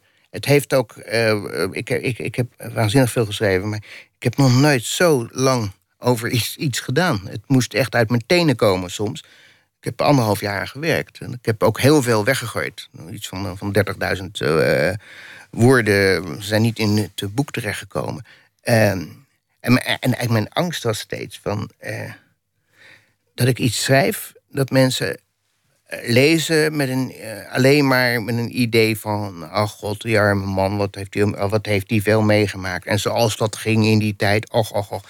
Dat is namelijk niet het idee. Ik, ik, wat, wat ik hoop, dat, is dat, dat ik iets, iets heb geschreven dat mensen lezen en wat ze, wat ze, wat ze herkennen. Gewoon een soort uh, basisprincipe van hoe. Uh, nou ja, bijvoorbeeld over, de, over dat, dat, dat serieus nemen en over dat kiezen. En over ehm, hoe het is om verlaten te worden. En ook hoe het is om iemand in je leven te hebben waar je nog niet echt een idee van hebt uh, hoe, je, hoe, je, hoe je moet beoordelen. Ik bedoel, sommige mensen hoe het is om vertrouwen te krijgen in anderen. Nee, maar sommige mensen zeggen gewoon echt uitgesproken... dat is nou een klootzak, weet je wel? Of dat is zo'n peer. Maar je hebt ook mensen, en, en dan weet je het niet. Want het, ze zijn het namelijk allebei. En dan weet je het toch uiteindelijk... Wil ik, ik, ik wil een soort afgerond oordeel voor mezelf... van deze man die, die toch wel mijn leven eh, gekleurd heeft en getekend. Maar wat, hoe, hoe, moet ik, hoe moet ik hem nou zien? En het is, het, is, het, is niet, het is niet eenduidig. Ik vind me eigenlijk, toen ik het boek had geschreven, dacht ik van, ja, hij is, hij is ook natuurlijk, ook zoals wij allemaal wel, maar ook, ook, ook, ook een beschadigd iemand geweest. Ook je, hebt toch, je hebt nog aan zijn sterfbed gezeten, vele jaren later. Hij was oud geworden. Ja. Hij, uh, er werd contact gezocht en, en op een zeker ogenblik zit je dan daar bij iemand ja. in zijn allerlaatste levensfase. Ja, ja. En hij was, hij was uh, uh, buiten bewustzijn. Dus ik was eigenlijk te laat, want ik werd op zondagavond gebeld. Maar ik kon niet zondagavond meteen komen. Dus ik zei, nou, ik kom morgenochtend. Dus ik zat daar maandagochtend. En toen lag hij al ja, aan een infuus. Ik heb hem eigenlijk niet meer kunnen spreken. Maar toen zat ik aan de ene kant van het bed. en toen zat die, die vrouw van hem, die zat aan de andere kant van het bed. En ineens zegt ze tegen mij, terwijl die man daar ligt dood te gaan... Ja, zegt ze, ik, ik ben vroeger niet altijd even aardig voor jou geweest. Maar ik was bang dat hij eh, om jou meer gaf dan om mij. Ah, toen zei ja, ja, maar waar gaan we het nou niet over hebben hoor? Want eh, helemaal. Maar toen dacht nee, daar moeten we het wel over hebben. Nu, nu moet ze dat zeggen. Nu kan het nog. Hij leeft nog. Misschien hoort hij dit. Dit is een bekentenis op de valreep. En, en dat was een heel raar moment. Want terwijl ik haar toch altijd, ja, die, die hele, alle toestanden en zo, dat was een heel, heel raar contact. Maar toen zat zij daar en ik aan de andere kant. En ineens voelde ik dan toch weer iets van die, van die intimiteit die ik in de beste tijd met, mijn hop, met, met de hopman had gehad. Toen het goed was en jullie samen zaten te bidden. Ja, ja toen zaten ze met de, En daarna wist ik, bedoel, ik wist ook van, daarna is het afgelopen, hij gaat dood. En uh, dan is er nog een begrafenis. En dan, dan, dan verliezen we elkaar uit het oog. En zo is het ook gegaan eigenlijk. Het boek heet De Hopman. Dank dat je te gast wilde zijn en erover vertellen. Rudy Kagi, dank je wel. En veel succes met uh, het schrijven van het uh, nieuw gelanceerde platform Argus. Ja. Voor uh, journalisten die, die een clubje hebben en mooie stukken willen Ja. schrijven. Wens ik je heel veel succes mee. Dankjewel. Zometeen gaan we verder met eh, Nooit meer slapen. We gaan het hebben over film. We gaan het hebben over cabaret. We gaan het hebben over literatuur en nog heel veel andere dingen. Twitter, het VPRO NMS. En we zitten ook op Facebook. En u kunt zich abonneren op de podcast via iTunes of de website van de VPRO. vpro.nl slash nooit meer slapen.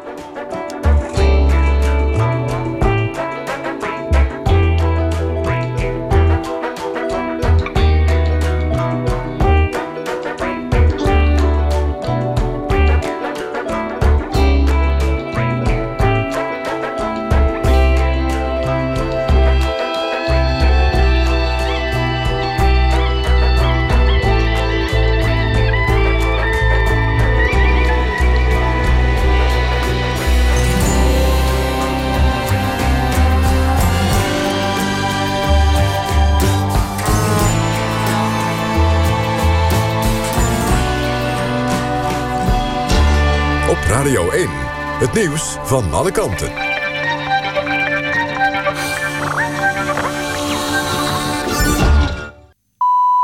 1 uur, Christian Bonenbakker met het NOS Journaal.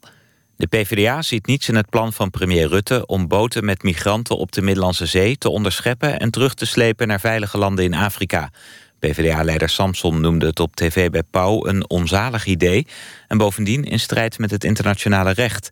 Hij zegt dat veel migranten echt op de vlucht zijn... voor oorlog en onderdrukking. Rutte zei zaterdag dat hij af wil van de huidige werkwijze... waarbij Europese schepen migranten aan boord nemen en naar Italië brengen. Hij vergeleek die gang van zaken met een veerdienst. In de VN-veiligheidsraad is het weer niet gelukt te komen tot een oproep voor een wapenstilstand in de Syrische stad Aleppo om humanitaire hulp te kunnen verlenen. Opnieuw lagen Rusland en China dwars. Rusland denkt dat de opstandelingen profiteren van een bestand en gebruikte daarom zijn veto in de VN-veiligheidsraad. In Amerika is een man tot levenslang veroordeeld omdat hij zijn zoontje van twee heeft laten omkomen in een snikhete auto. Dat gebeurde twee jaar geleden in Georgia. De man zegt zelf dat het een ongeluk was, maar volgens de aanklager en de rechter deed hij het met opzet. Hij had op internet opgezocht hoe lang het duurt voordat iemand sterft aan oververhitting in een auto. Ook had de man websites bezocht die een leven zonder kinderen verheerlijken. De 36-jarige Amerikaan blijft de rest van zijn leven vastzitten, want er is geen kans op vervroegde vrijlating. De auto van de man die vrijdag in Nunspeet werd ontvoerd... is teruggevonden in Putten, vlakbij de A28. De man van 53 uit Doornspijk werd vrijdag door gemaskerde mannen uit zijn auto gehaald. Uren later meldde hij zich thuis. Wat er in de tussentijd is gebeurd is nog altijd onduidelijk. De vrouw van het slachtoffer zei dit weekend in het AD... dat haar man mogelijk de dupe was van een persoonsverwisseling. De komende avond zit de zaak in opsporing verzocht. Het weer, het is een koude nacht, minima tussen min 2 in het zuidwesten... en lokaal min 8 in het noordoosten. Daarbij kan mist en gladheid ontstaan. Daarna opnieuw een zonnige dag, het wordt 0 tot 5 graden. Dit was het NOS Journaal. NPO Radio 1. VPRO. Nooit meer slapen.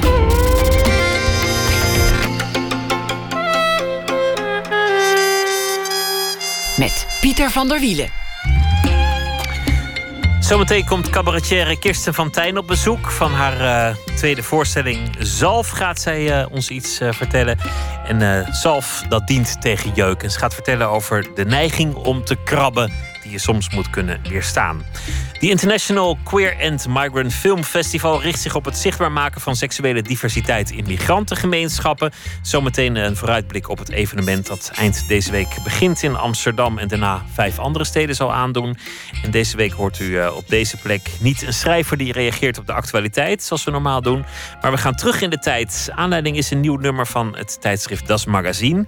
Gekrenkt en hongerig. Dat hongerige uh, jonge schrijvers laat lezen, namelijk. Uh, werk dat nog niet eerder was gepubliceerd van schrijvers die het inmiddels gemaakt hebben, maar dan uit de tijd dat ze nog tiener of twintiger waren. Elke nacht een van deze schrijvers aan het woord. En als eerste is dat de Vlaamse schrijver Yves Petrie. Goedenacht, Yves. Ja, goedenacht, Pieter. We gaan terug naar 1986. Je was 19 jaar oud. Het uh, zou nog 13 jaar duren voor je zou debuteren als schrijver. Wie was je toen? Wel, eigenlijk weet ik het niet meer. Maar uh, ik hoop dat ik niet helemaal degene was die dit stukje heeft geschreven. Laat maar horen. Het is een, een, een, tekst die je schreef op je negentiende... die ooit in een lokaal uh, jeugdblaadje terecht is gekomen... en die, ja. die de jongens van Das Magazine hebben opgeduikeld. Ja, het, uh, het, uh, het, is een blaadje van het lokale jeugdhuis. Dat heette het Bieken, het bijtje. Dus. Blad, blad heet Vakzet. Ik zeg het maar omdat dat voorkomt in de tekst. Zal ik beginnen? Ga je gang. Ik begin. De grote slaap.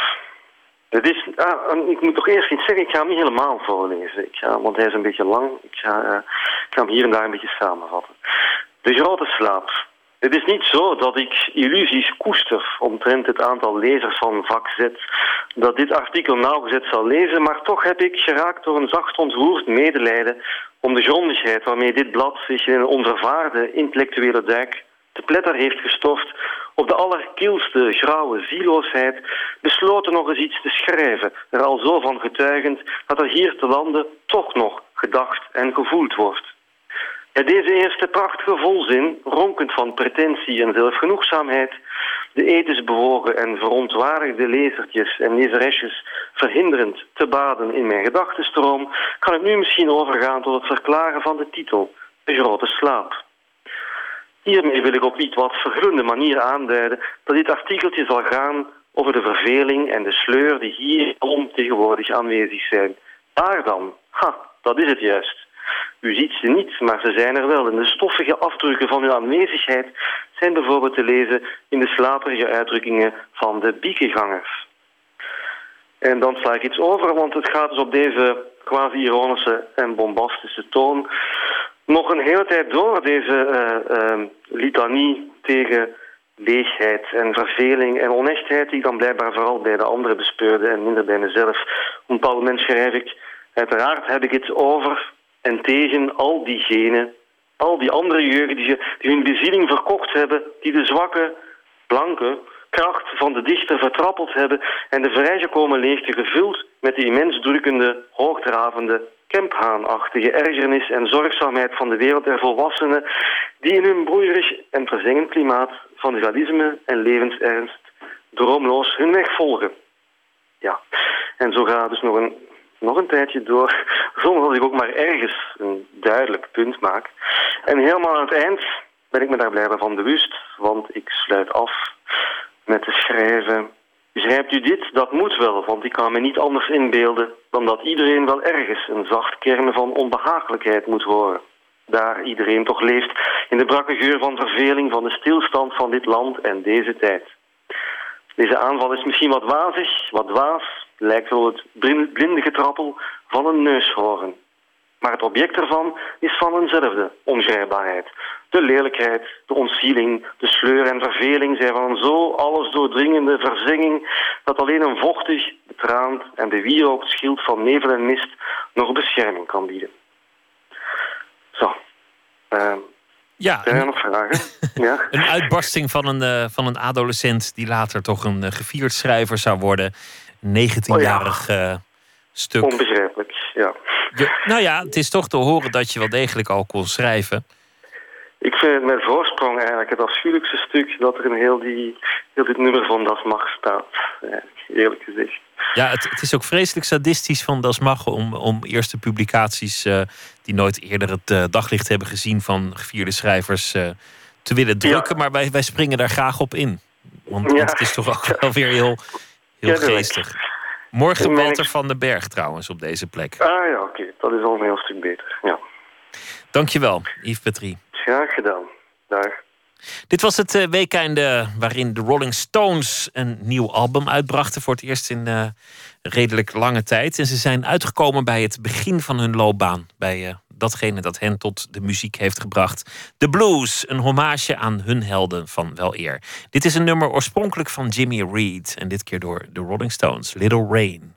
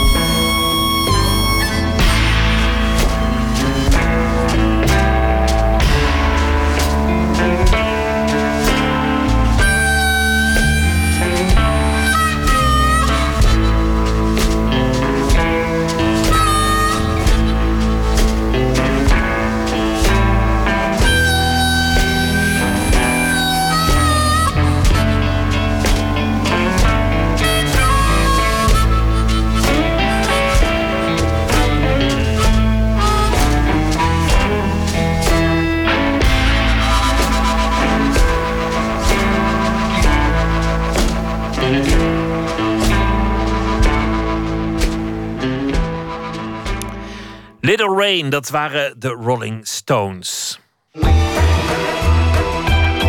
Nooit meer slapen.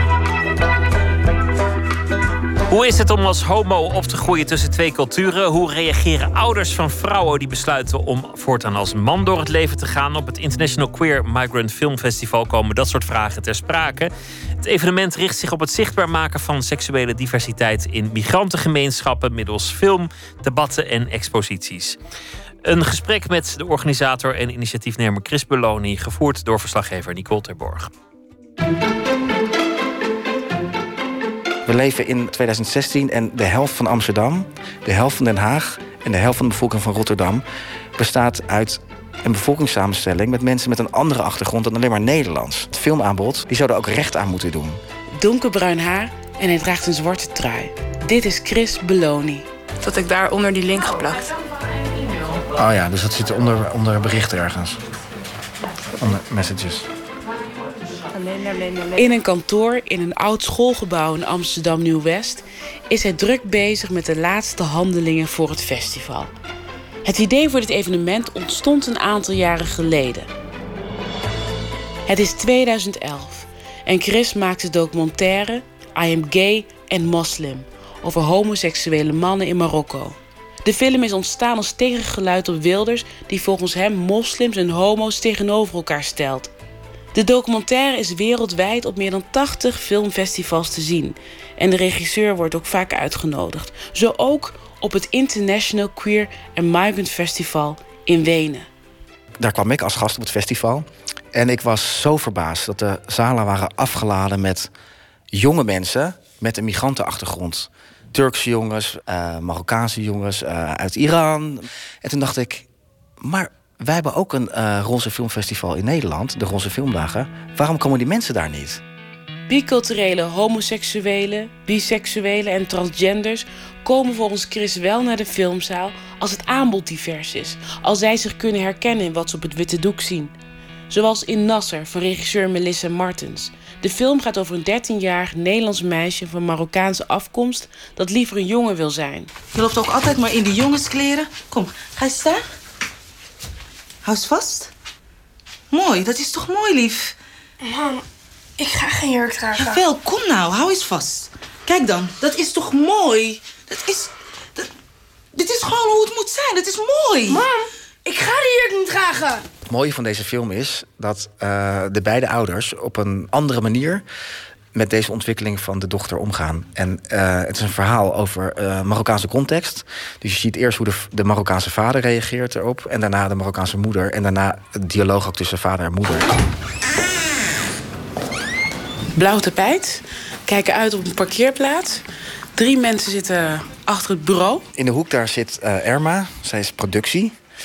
Hier zit um, Anthony, dat is onze stagiair slash communicatie PR-medewerker uit Macedonië. En in de hoek daar zit Lara. Iemand uit Macedonië? Hij komt helemaal uit Macedonië en hij is ook kunstenaar. Yeah. En hier staat zijn, zijn kunstwerken. Ja. En dat wordt um, geëxposeerd ook in de Bali. Volgende week woensdag is de opening. En hij heeft, uh, nou misschien kunnen we het even aan hem vragen ook. Ja. Uh, living in Macedonia and being gay is really difficult. You can get easily get killed or uh, attacked, which it happened to me twice. Really? So, yeah, so it's not a safe environment for a gay person to live. So I have I had to escape. Het verhaal van kunstenaar Anthony Karadziotski doet denken aan de openingsfilm van het festival. The Pearl of Africa speelt zich ook af op een plek waar het levensgevaarlijk is voor LHBT'ers. Thousands of anti-gay protesters demonstrate in Jinja, Uganda, in support of a bill proposing life imprisonment for homosexuals. For the past month and a half, we've been living behind a closed gate, closed windows, keeping on a very down low. Nou, een film die ik, waar ik zelf echt uh, tranen van in mijn ogen kreeg... dat was The Pearl of Africa. Dat is een film over een uh, jonge transvrouw uit uh, Oeganda. Uh, Clio. En die film is een waanzinnig mooi liefdesverhaal eigenlijk tussen deze vrouw en haar vriend. Op de achtergrond zie je de politieke context van Oeganda met uh, veel geweld tegen homo's en alles. Het geeft een goed beeld van dat land als Oeganda. Wat je vaak hoort met LHBT-jongeren met een migrantenachtergrond, is dat, dat de ouders er uh, moeite mee hebben. Maar vaak willen ouders het soms wel accepteren, maar zijn zij bang voor reacties van de sociale omgeving. Dus dan is de afwijzing van de ouders is vaak gebaseerd op het feit dat de ouders bang zijn van... ja, wat gaat de, gaat de buurman ervan denken? Wat denkt die tante in Marokko er wel niet van? Dat we als, uh, als, uh, nou ja, als we horen dat hun neefje of nichtje homoseksueel is. Chris wil met het festival seksuele diversiteit zichtbaar maken. En tegelijkertijd hoopte dat biculturele Nederlanders... een gevoel van empowerment krijgen. Dat ze zich door de herkenbare beelden, rolmodellen, debatten en ontmoetingen... gesterkt voelen. Chris is positief over wat hij de laatste tijd heeft gezien. Ik denk dat er in Nederland heel grote stappen zijn gemaakt de afgelopen paar jaar. Ik kom natuurlijk veel in het buitenland met mijn films op andere festivals. En daar zie je eigenlijk dat waar wij nu zijn, dus het bespreekbaar maken van seksuele diversiteit binnen migrantengemeenschappen, dat gebeurt in veel omringende landen om ons heen nog niet eens. Dus het lijkt soms wel van dat het mini-stapjes zijn. Maar ik, ik ken mensen met een, of een Turkse achtergrond. Hè, denk maar aan de mensen van de Turkse boot. Dit jaar we de Marokkaanse boot die met Cape Red meevaarden. Die zichtbaar willen zijn, die hun verhaal willen vertellen, die rolmodel willen zijn. Het zijn er nog steeds maar een paar. Maar het zijn er al, uh, die paar zijn wel weer een paar meer dan een aantal jaar geleden. Dus ik denk dat er zeker stapjes worden gemaakt. Uh, aan de andere kant hoor je wel nog steeds ook dat er wel op schoolpleinen en uh, nou ja, dat er nog veel geweld ook is af en toe tegen LHBT'ers. I came back and these guys just started throwing glass bottles at me out of nowhere, started attacking me for no reason. And they started chasing me with a car. And they started saying like these things, we're gonna kill you faggot and stuff like that. Ik ben wel eens op straat uitgescholden um, in Amsterdam. Uh, toen ik op straat stond te zoenen met een jongen. En uh, dat iemand langsliep en zei van... hé, hey, nou ja, vieze homo kan het wel zeggen. Vieze kut homo was het eigenlijk. Als we toch zo voorzichtig moeten zijn. Dat, dat was vervelend om mee te maken. Até porque eu já te vi pelado e sei que teu pinto não é circuncisado. Er is ook een, uh, een, film in het programma Piscina van de jonge Braziliaanse filmmaker Leandro Godino. En dat gaat over een jonge vrouw die eigenlijk het verleden van haar oma gaat ontrafelen. En daarmee, uh, nou ja, dingen over oma te weten komt die ze niet wist. Um, ik ga niet vertellen wat, uh, wat, waar de film uitkomt. Maar ik was echt geraakt door de film. Een waanzinnig mooi portret over um, een jonge lesbische vrouw... die eigenlijk het verleden van haar oma leert kennen... door de ogen van een andere vrouw.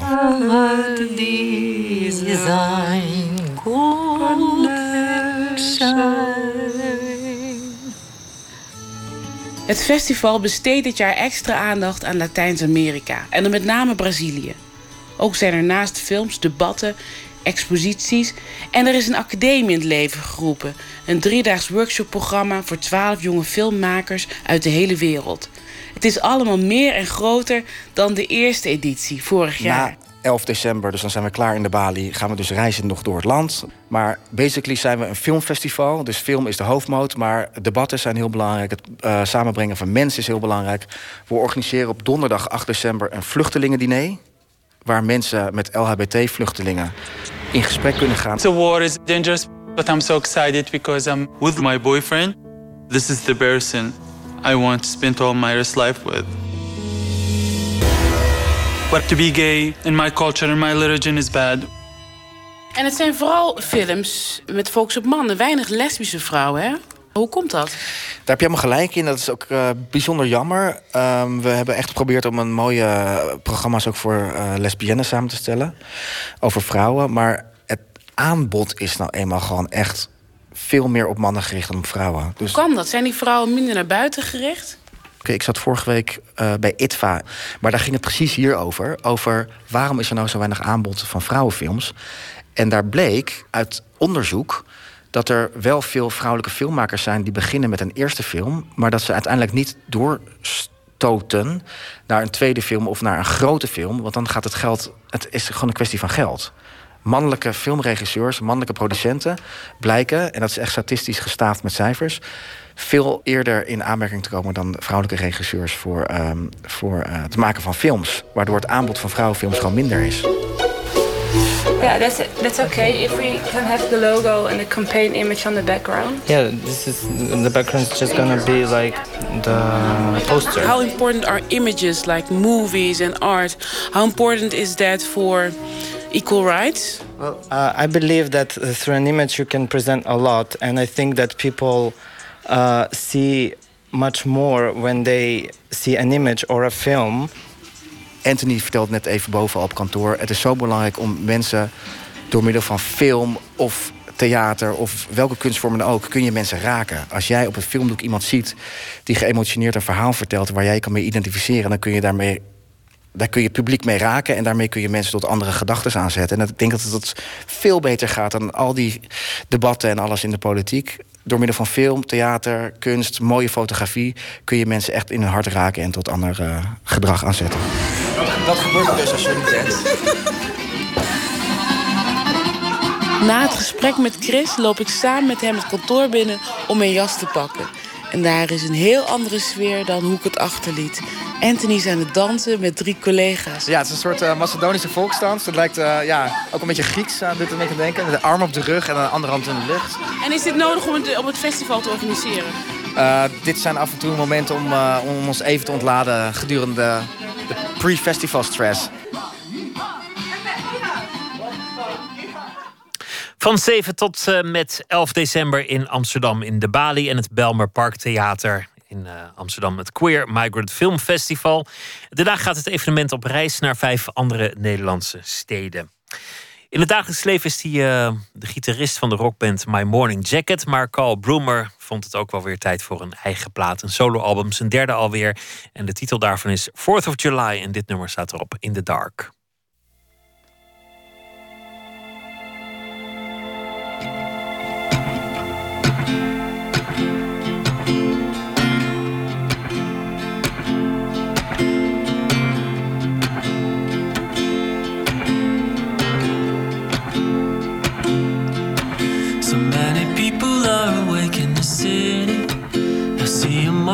Up and down the road.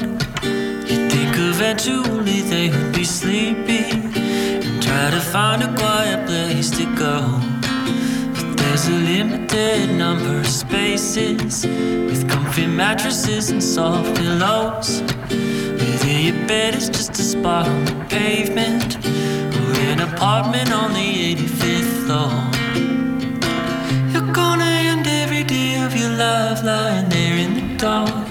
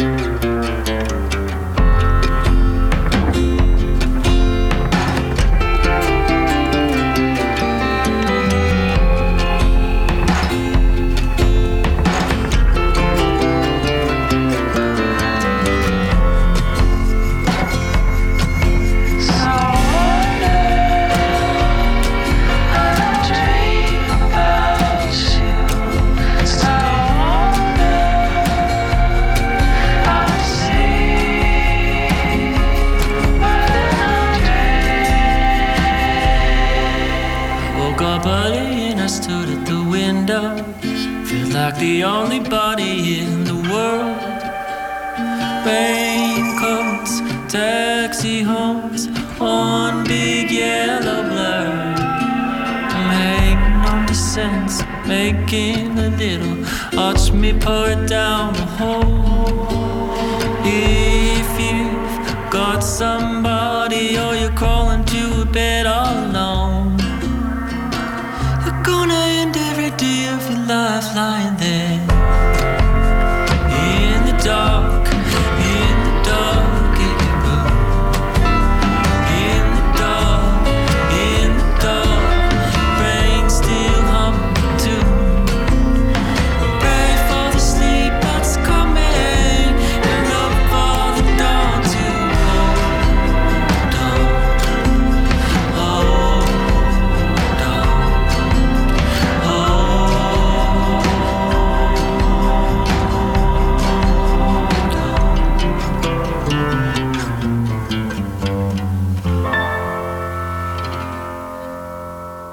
In the Dark van Carl Brummel was dat. Open kaart.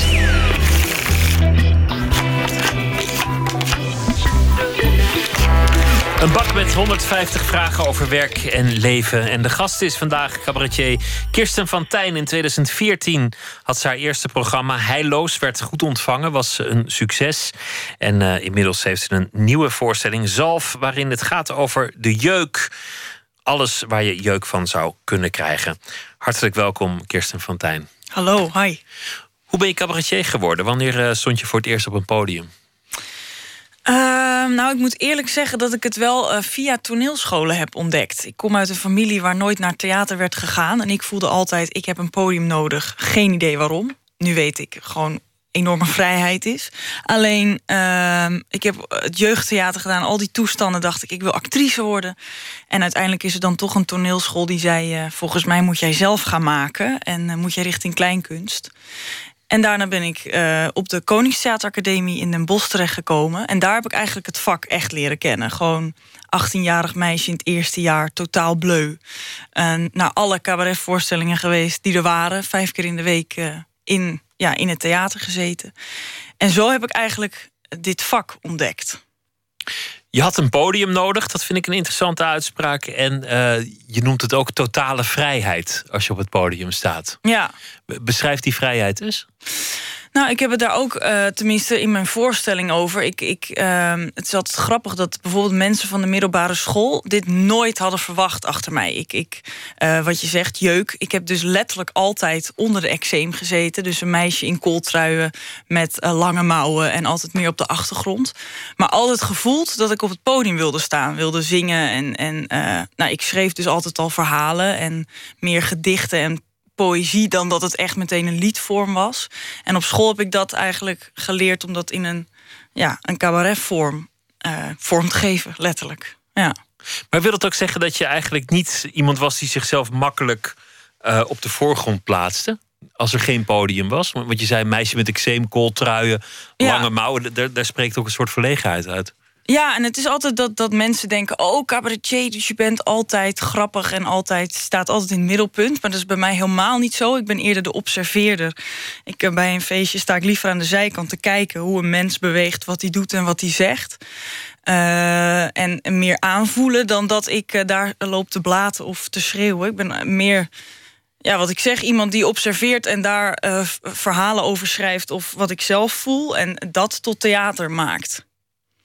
Een meisje met eczeem, dus het thema jeuk en zalf... dat, dat zijn voor jou bekende thema's. Ja, ja, en dat heb ik eigenlijk meteen omdat ik eh, altijd maak of schrijf vanuit een, een bron die ik echt zelf gevoeld moet hebben. En ik merkte heel erg dat er om mij heen of juist in de maatschappij enorm wordt gekrapt.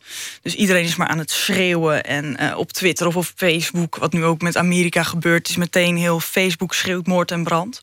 Allemaal van die korte oplossingen, tenminste korte termijn oplossingen voor mijn gevoel. Oh, dat noem Iedereen je is maar- krabben. Er is ja, jeuk en je moet krabben. Ja, dat, dat krabben en dat kotsen heb ik heel erg aan elkaar. Weet je, dat, ah, dat schreeuwen meteen. En dat was voor mij altijd dat krabben. Dat je meteen dat je denkt, het voelt wel lekker, kort. Maar daarna gaat het altijd bloeden en ontsteken. En laten we in godsnaam zalf smeren. En dat is ook wat ik continu doe. Maar het is wel het allermoeilijkst. Het is het lekkerst om meteen rats, het open te krabben. En dat, heb ik, eh, dat zie ik het afgelopen jaar voornamelijk... of de ja, afgelopen jaren heel erg gebeuren. Dat, het, dat we alleen maar het krabben zijn in plaats van zalven. Dat is ook wat ik in de voorstelling zeg. Laten we in godsnaam meer gaan zalven dan alleen maar te krabben. Dat... Jeuk is ook een wonderlijke gewaarwording. Je hebt pijn. Pijn is al vrij concreet, hoewel je nooit andermans pijn kunt voelen. Maar jeuk, dat zit ergens tussen, tussen pijn en niet pijn in. Maar, maar het is een niet te negeren gewaarwording. Ja, ze zeggen ook altijd: jeuk is erger dan pijn. Hè? Je kan het bijna niet. Of je moet het openkrabben, dan doet het pijn. Maar het is heel moeilijk je te beheersen. Dus je moet echt naar een soort ontspanning in jezelf. Het is echt uitademen. En die uitademing, die zou ik zo graag ook gewoon bij de mensen om me heen willen zien. Dat we gewoon even, weet je wel, even twijfelen of, of jezelf leren beheersen in plaats van Wah! Dat is ook waar de voorstelling gewoon heel erg over gaat. En dat, dat is volgens mij het allermoeilijkst. Hoe deed jij dat met je eczeem? Als de dokter zei: Oké, één ding, niet krabben. Ik weet dat je jeuk hebt, maar krab maar even niet. Hoe, hoe beheerste je je dan? Ehm, nou, als baby lag ik altijd in krappakjes, weet je wel. Oh, als puber dus in kooltruien. En dat was het allermoeilijkst. En het gaat nu steeds beter. Ik denk dus letterlijk ook doordat je volwassen wordt... en er continu mee bezig bent. Dus dat die beheersing zoeken en, en het wel even... Uh, het is, het is, je moet jezelf echt even stilzetten. Want in de drukte, in de chaos... Heb, zit ik altijd onder de eczeem. Tenminste, ja, ze zeggen ook jeuk is een emotie. Dus het is ook uh, in de heftigheid, hop, dan, dan ligt het weer open. Maar ja, dus af en toe echt even gaan zitten. En die rust, die ontspanning, die helpt mij om niet te krabben. Dus ja, de, de linkjes liggen ook heel uh, dicht bij wat er om me heen gebeurt. Dus ik, ik hou zelf nooit... Het mag persoonlijk zijn, een voorstelling... maar het moet wel altijd herkenbaar of een lijntje hebben naar de buitenwereld. En dit is gewoon wat ik de laatste tijd heel erg voelde. En het grappige is dat ik door deze voorstelling... en doordat ik er zo mee bezig ben... en mezelf weer helemaal binnenste buiten draai... dat ik zelf minder jeuk heb. Dat is heel bizar, maar het werkt dus wel zo. Het spelen helpt. Bijna wel, het uiten en het, en het ermee bezig zijn... en die beheersing zoeken en de ontspanning. En ja, het is echt... Um, hoe ik hoe ik nu dan aan mezelf werk, dat ik het, dat ik het bijna terugmerk. En het is altijd fijn ook dat het publiek dan daarna zegt van... oh ja, ja, in godsnaam laten we wat meer gaan twijfelen... of laten we wat meer gaan luisteren en uitademen... in plaats van meteen, Wah! weet je wel, dat. Dat zegt ook iets over jouw stijl als cabaretier. Je bent niet van, van de harde grap of de confrontatie... of van uh, mensen uh, afzeiken of fetus uitvechten op het podium. Nee, dat is ook altijd uh, uh, wat ik zeg. Ik hou niet van koppen afhakken. Uh, ik wil juist het gesprek aangaan met mijn publiek. En tuurlijk, er is genoeg te lachen. En ik, ik maak mezelf natuurlijk als puber met eczeem. Weet je, ze noemden mij geen Kirsten op school, maar Korsten. Allemaal dat soort dingen. Weet je, ik rook niet naar Zwitser, maar naar teerzalf. Weet je, ik, tuurlijk haal ik mezelf ook lekker onderuit. Maar het is niet zo dat ik mijn publiek denk: wat heb jij nou weer een lelijke trui aan of zo? Nee, het is juist. Uh, heeft u wel eens jeuk gehad en waar? Wat heb je er tegen gedaan? En dat soort korte gesprekjes leveren al zoveel lach of zoveel gênante momenten op. En dat vind ik de lekkerste momenten. De herkenbare gênante lach in plaats van de harde afhaklach. Nou, laten we beginnen met de, de, de vragen. Dit, dit is de bak en ik wil je vragen om een kaart te trekken en de vraag voor te lezen. Kun je goed met geld omgaan? Wauw. En dat is echt een mooie vraag voor een kunstenaar. Nee. Welk geld? Welk geld? ja. Um, uh, kun je goed met geld? Nou ja, um, ja, uh, dat denk, ja, dat denk ik wel. Um, als in dat je dus met heel weinig geld heel veel moet bewerkstelligen. Dus uh, mijn decor hangt ook nou, niet van ellende aan elkaar, maar ze is heel simpel. En ik denk juist doordat ik uh, op school heb gezeten met zo weinig geld... en dat er nooit iets kon qua decor en nooit iets kon qua regie of dramaturgie... dat je juist daardoor heel creatief gaat denken... en ik met heel weinig middelen dus een voorstelling kan maken. En het is wel gaaf om te merken dat je nu groeit, dat er steeds meer... of dat ik steeds wat meer verdien, dat ik steeds meer kan... Uh, dus met mensen kan gaan werken. Alleen, ik heb wel dus echt geleerd om het met heel weinig te doen. En bijvoorbeeld op de academie gewoon vijf dagen in de week boerenkool in te vriezen. Nou, daar leer je wel van. Neem maar nog geen als je wil. Waarin ben je dwangmatig? Opruimen. Opruimen? ja, ik ben heel ernstig met opruimen. Mijn hoofd is echt een chaos altijd maar denken, denken en doen. En in het theater mag het ook een chaos zijn. Dus daar liggen mijn spullen wel door de hele kleedkamer. Maar thuis moet er rust zijn. En daar, daar, dat is echt wel. Dan kan soms het kussentje ook niet, niet recht liggen. En dat ik het kussentje even recht leg. Dat is heel irritant voor mijn omgeving. Maar dat geeft jou rust in je hoofd. Ja, ja als er rust thuis is en eh, de boeken staan netjes en eh, wat ik zeg, alles is gewoon aan kant, dan kan ik ontspannen. Ja, Ook een soort jeuk eigenlijk. bijna. Ja, ja dwangmatigheid. Ja, nog één. Wie zou minister-president moeten zijn? God, dat moet je net aan mij vragen. Tenminste. Ehm, jeetje, in deze tijd ook nu. Nou ja, wat ik, ik heb dus in mijn voorstelling echt een heel stuk over... waarom zie ik ze nou nooit in de Tweede Kamer twijfelen? Waarom moeten ze dat meteen weten in plaats van dat Rutte zou zeggen... ik weet het even niet. Dat lijkt me zo lekker. Of dat ze van mening veranderen tijdens een debat, wat in de politiek een zwakte is. Ja, en dat is dus juist geen... eh, maar ik zit dan te denken wie dan... ehm, Wie dat Oh, ooit doet. ernstig. Ja, wie dat ooit doet. Ik heb het, ja, maar dan, ja, ik vind het zo'n lastige uitspraak. Ik heb dus wel het gevoel, Maar je mag ook iemand van buiten de politiek noemen. Je hoeft niet een, een, een zittend nee, dat is politicus waar. te noemen. Wie zou dat dan moeten zijn, joh? Ehm, ik moet meteen, meteen aan Griet op de Beek denken. Omdat ik die bij zomer, eh, zomergasten Ja. zo intens eerlijk vond. En die had zulke mooie vondsten. En die echt, voor mijn gevoel, dus echt zo ploep, ploep, ploep... allemaal binnenkwamen vallen bij haar. Ik was echt zo onder indruk van dat gesprek... dat ik dacht, wauw, zij zou gewoon een land moeten gaan leiden. Dat, ja, ik denk wel, zij is wel iemand die de waarde van het leven heel mooi eh, kan, eh, ja, hoe zeg je dat? Ehm, eh, eh, tenminste, ze, ze is heel straight, dus ze is heel recht voor zijn raap. Dus ze zegt ook echt wat ze denkt en wat ze voelt. En ze houdt zich heel erg met de maatschappij bezig. Wat ze, ja, de dingen die zij in dat gesprek aansneed. Dus ja, dan, dan zou zij het zijn. Dan moet ze ook nog even de Nederlandse Nederlands, ja, nationaliteit aannemen. Ja, maar ik Maar moet aan, aan haar denken omdat ze zo intelligent en zo oprecht was. En alsof het er allemaal zo binnen kwam vallen in die drie uur. En toen dacht ja, daar was ik heel erg van onder indruk, dat gesprek. Nou ja, na Trump zei iedereen: het is misschien wel eens goed een buitenstaander. Dus eh, Giet op de Beek, eh, minister-president. Ja. Ik ben, eh, ik ben akkoord. Ja, goed. Trek er nog een. Kun je tegen kritiek? Ja, ik had het daar toevallig vandaag nog over met mijn regisseuse. Als in dat je dat ik. Ik ben de laatste weken voor mijn voorstelling echt wel in paniek geweest. De tweede voorstelling is moeilijker dan de eerste. Helemaal als je uit een opleiding komt. En ik, ik, ik, ik frat haar kritiek bijna. Ik had zo behoefte aan kritiek. Omdat je zelf op een gegeven moment zo ja, bijna verzuipt in je eigen voorstelling. Dat ik echt nodig had om die iemand die zei van... en dit wel en dit niet. En wat zeg je hier in godsnaam? Ja, dat was heerlijk. Soms moet van het publiek is het lastig. Soms. Dat, dat iemand echt kan zeggen, nou, ik vond helemaal niks. Of. Doen ze dat? Nee, ja, of van een bepaalde scène, ik vond het helemaal niks. Of, of ehm, eh, soms dan denkt het publiek ook dat ze je regisseur kunnen zijn. En dat vind ik dan wel moeilijk om ehm, daar dan mee om te gaan. Of toch, ja, je kan honderd mensen hebben die lachen... en één iemand die de hele avond streng kijkt. En dan ga ik met die ene iemand in mijn hoofd naar huis. Dat is soms wel, dat, dat, dat is soms lastig. Maar ehm zo. Ja, misschien heeft die ene, ene iemand wel iets anders aan de hand. Heeft die, heeft die Ja, jeuk? dat is waar.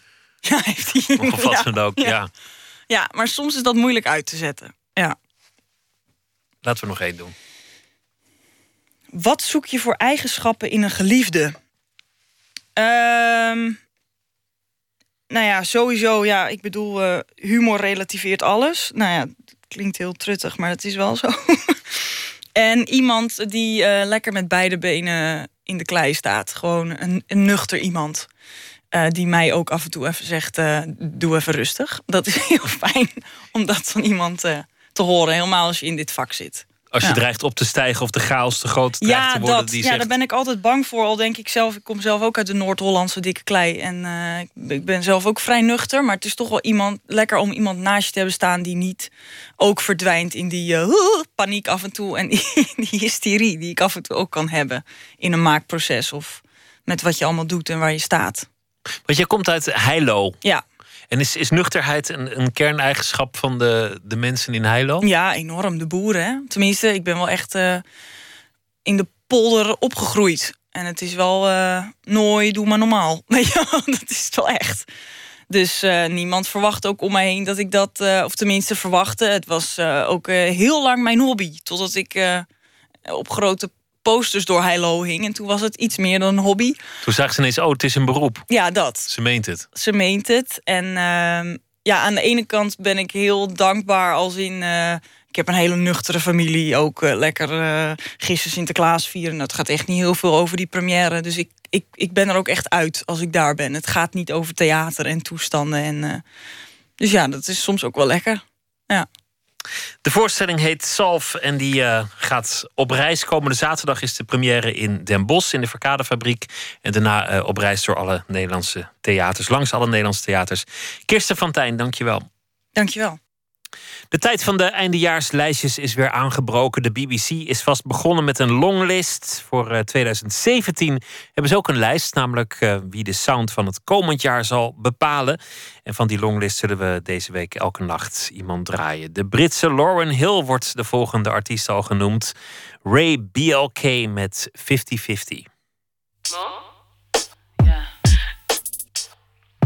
Yeah, yeah, yeah, yeah, yeah, yeah. Yeah, yeah, yeah. Yeah. Yeah, yeah, yeah, yeah, yeah, yeah. Yeah, yeah, yeah. Yeah, yeah, yeah, yeah. Yeah, yeah, yeah, yeah, yeah, yeah. Love me, love me, say that you love me. Call me, call me, you never do. Yeah, yeah, yeah. Money, money, always above me. You're too busy selling food. Now you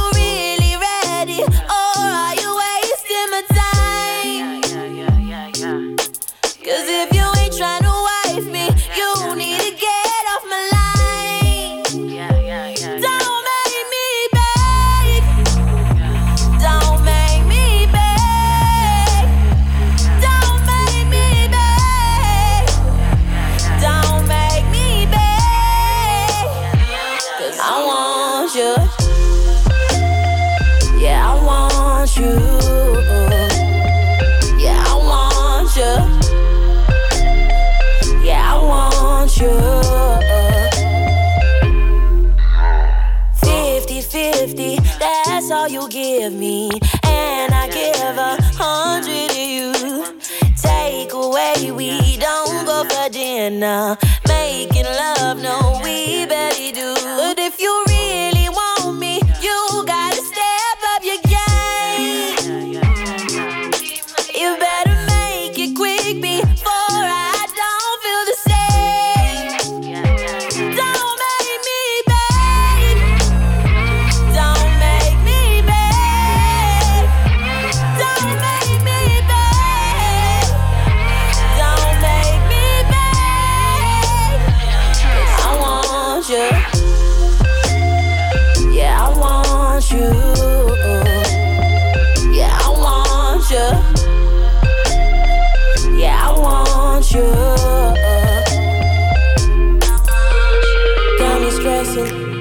Begging, feeling like I'm just your virgin. Got me stressing, oh girl, you be my head and you got me stressing, feeling like I'm just your virgin, just your virgin.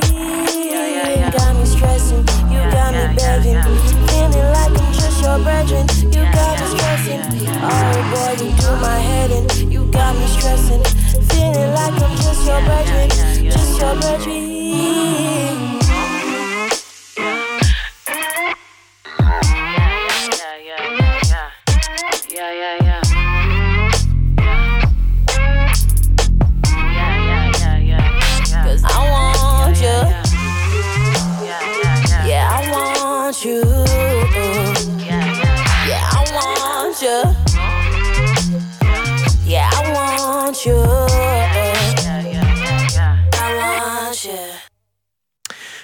BLK was dat met 50-50. Nooit meer slapen.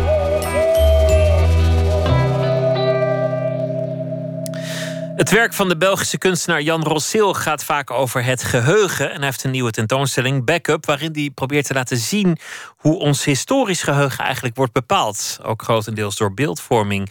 Vandaag eh, bespreken we elke, of deze week bespreken we elke nacht een eh, gebeurtenis uit de geschiedenis. En vandaag is dat het koloniale verleden van België.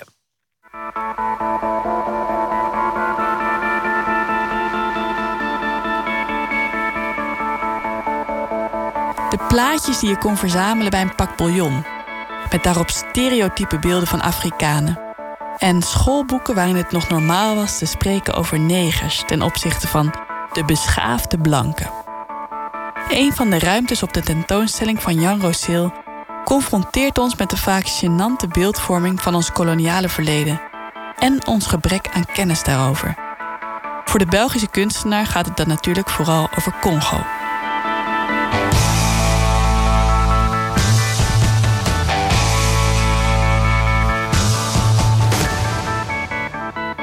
Congo-geschiedenis was een soort, ja, eigenlijk een voetnoot in de geschiedenis. Dus ehm, de focus ligt eigenlijk voornamelijk in de moderne Belgische geschiedenis op, op de Eerste Wereldoorlog. Dus daar weten we redelijk veel van, daar word je mee doodgegooid. En het hele Congo-verhaal, ja, dat blijft altijd zo'n beetje in de schaduw zitten. Ehm, dus ik ben gewoon even gaan onderzoeken van oké, eh, ja, wat weet ik van Congo? En, en, ehm, en daar ben ik ook wat mee gaan spelen. De wereld verneemt een half jaar na de Congolese onafhankelijkheid dat de eerste premier Patrice Lumumba vermoord is na zijn uitlevering aan de afgescheiden provincie Katanga. Hij had steun gezocht bij de Sovjet-Unie, want België en de UNO deden niets tegen die afscheiding. Ik denk dat ik eigenlijk het eerst iets over Congo ben gaan interesseren. Toen ik iets hoorde over de, de moord op uh, Patrice Lumumba. Dat was de, uh, destijds de, de, eerste democratisch verkozen president van Congo. Ik had gezien op televisie dat hij was vermoord, dus dat, dat, dat wist ik wel. Maar, de, maar verder, ja, er zat een soort van wolk van mysterie omheen van uh, wie had hem precies vermoord um, en hoe dat allemaal verder zat.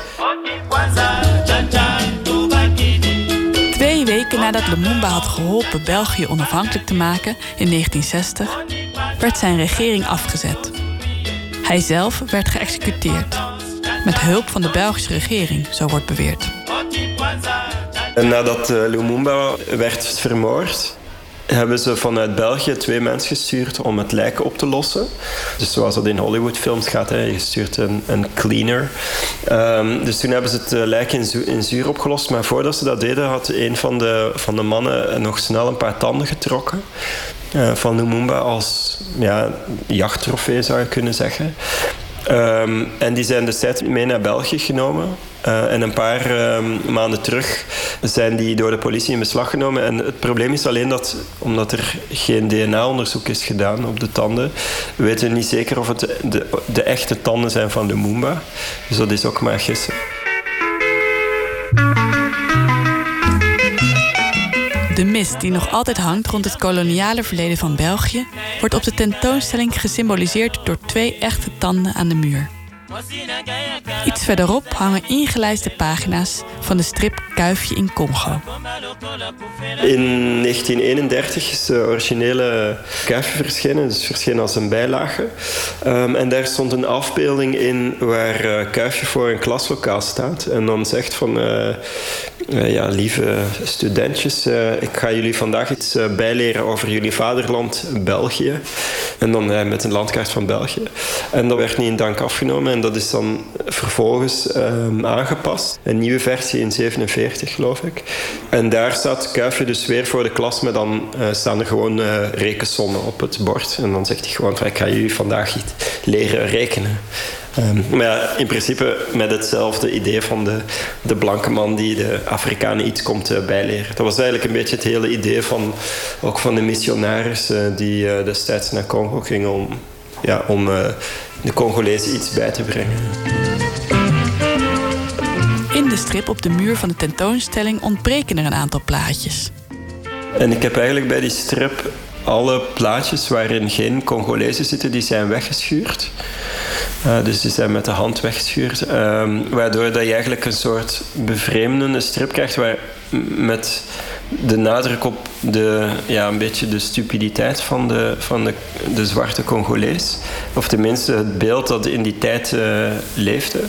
Uh, en dan merk je eigenlijk wel hoe, hoe voorbijgeschreven het hele idee ook wel is. Uh, kijk, tegenwoordig kunnen we daar wel om lachen, maar Um, helaas is, het natuurlijk wel nog zo dat veel van de, van de manier waarop we kijken naar het vreemde of het exotische nog vaak gestoeld is op onwetendheid of uh, gebrek aan kennis. Om, ja, omdat die kennis ja, die wordt gewoon doorgegeven van generatie op generatie.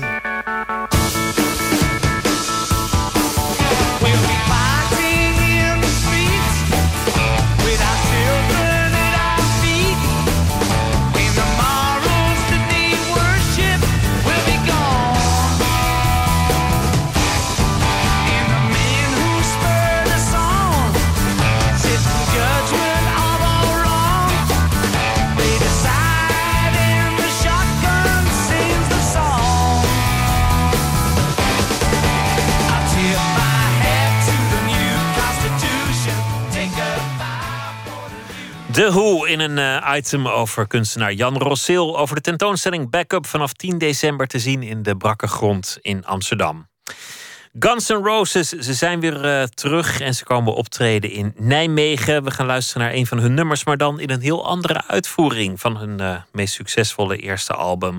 Welcome to the Jungle, maar dan dit keer uitgevoerd door een singer-songwriter uit Wales, Novo Amor.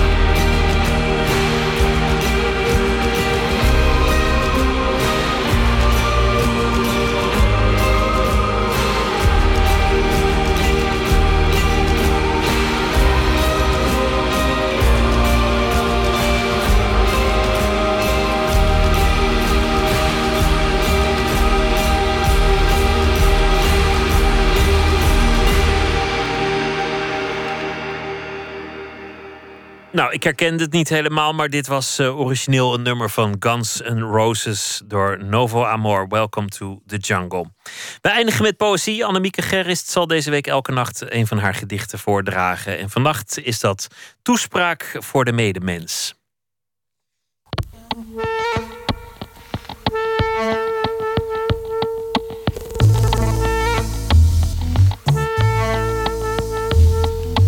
Deze toespraak is onderdeel van een kunstwerk wat ik heb gemaakt, waarbij ik toespraken heb geschreven die voor iedereen kunnen zijn en door iedereen gehouden kunnen worden. Ehm, en toen kreeg ik het probleem, waar, waar moet ik het dan over hebben? Ehm, als iedereen ze kan gebruiken en ze aan iedereen kan voorlezen, dat, dan, dan kan het dus in principe iedereen zijn. Waar krijgt iedereen mee te maken? Eh, geboorte en dood. Dus die schreef ik als eerste. En toen dacht ik, nou, als er, geboorte en dood is, dan is er ook een midden van het leven. Dus er, toen kwam er ook een toespraak voor het midden van het leven. En toen kwam er een over postuum. En toen dacht ik, nou, dan ga ik er ook nog één schrijven voor de medemens die ze dan houdt. Daar is deze uit voortgekomen. En deze toespraak hebben een galerie gelegen. En iedereen kon ze gewoon meenemen en gebruiken en aanpassen wat ze wilden. En zo zijn ze ook weer in mijn bundel beland. Toespraak voor de medemens. De medemens, wat waren het er veel. Stom verbaasd zag ik hen zitten.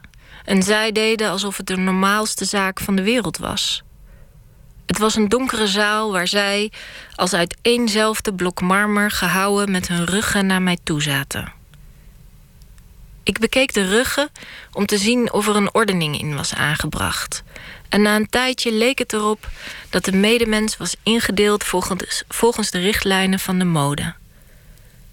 Achterin zag ik de naakte. En daarna kwamen er vellen en huiden. Dan wol, katoen en linnen en als laatste de synthetica.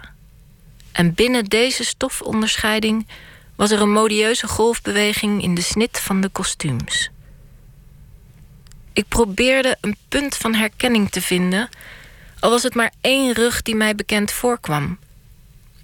Maar mijn speurtocht werd bemoeilijkt door mijn slechte positie. Je kunt veel aflezen aan ruggen, maar geen gezichten.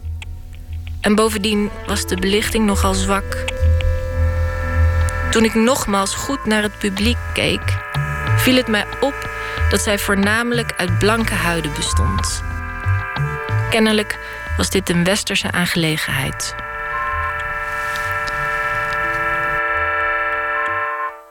Toespraak voor de medemens van Annemieke Gerrist, die morgen weer een gedicht zal voordragen en uitkiezen. Sven Ratske komt morgen op bezoek. Hij is eh, Nederlands-Duits zanger en entertainer. En binnenkort heeft hij een eh, eigen kerstshow, Ratskes Christmas Night. En morgen is hij een uur te gast in Nooit meer slapen.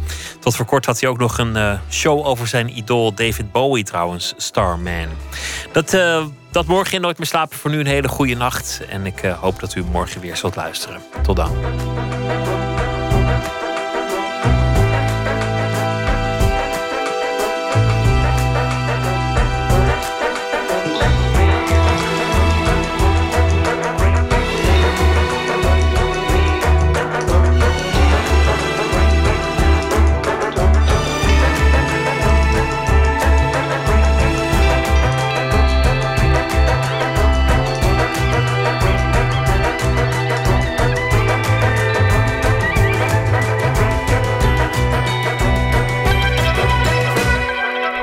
Radio 1, het nieuws van alle kanten.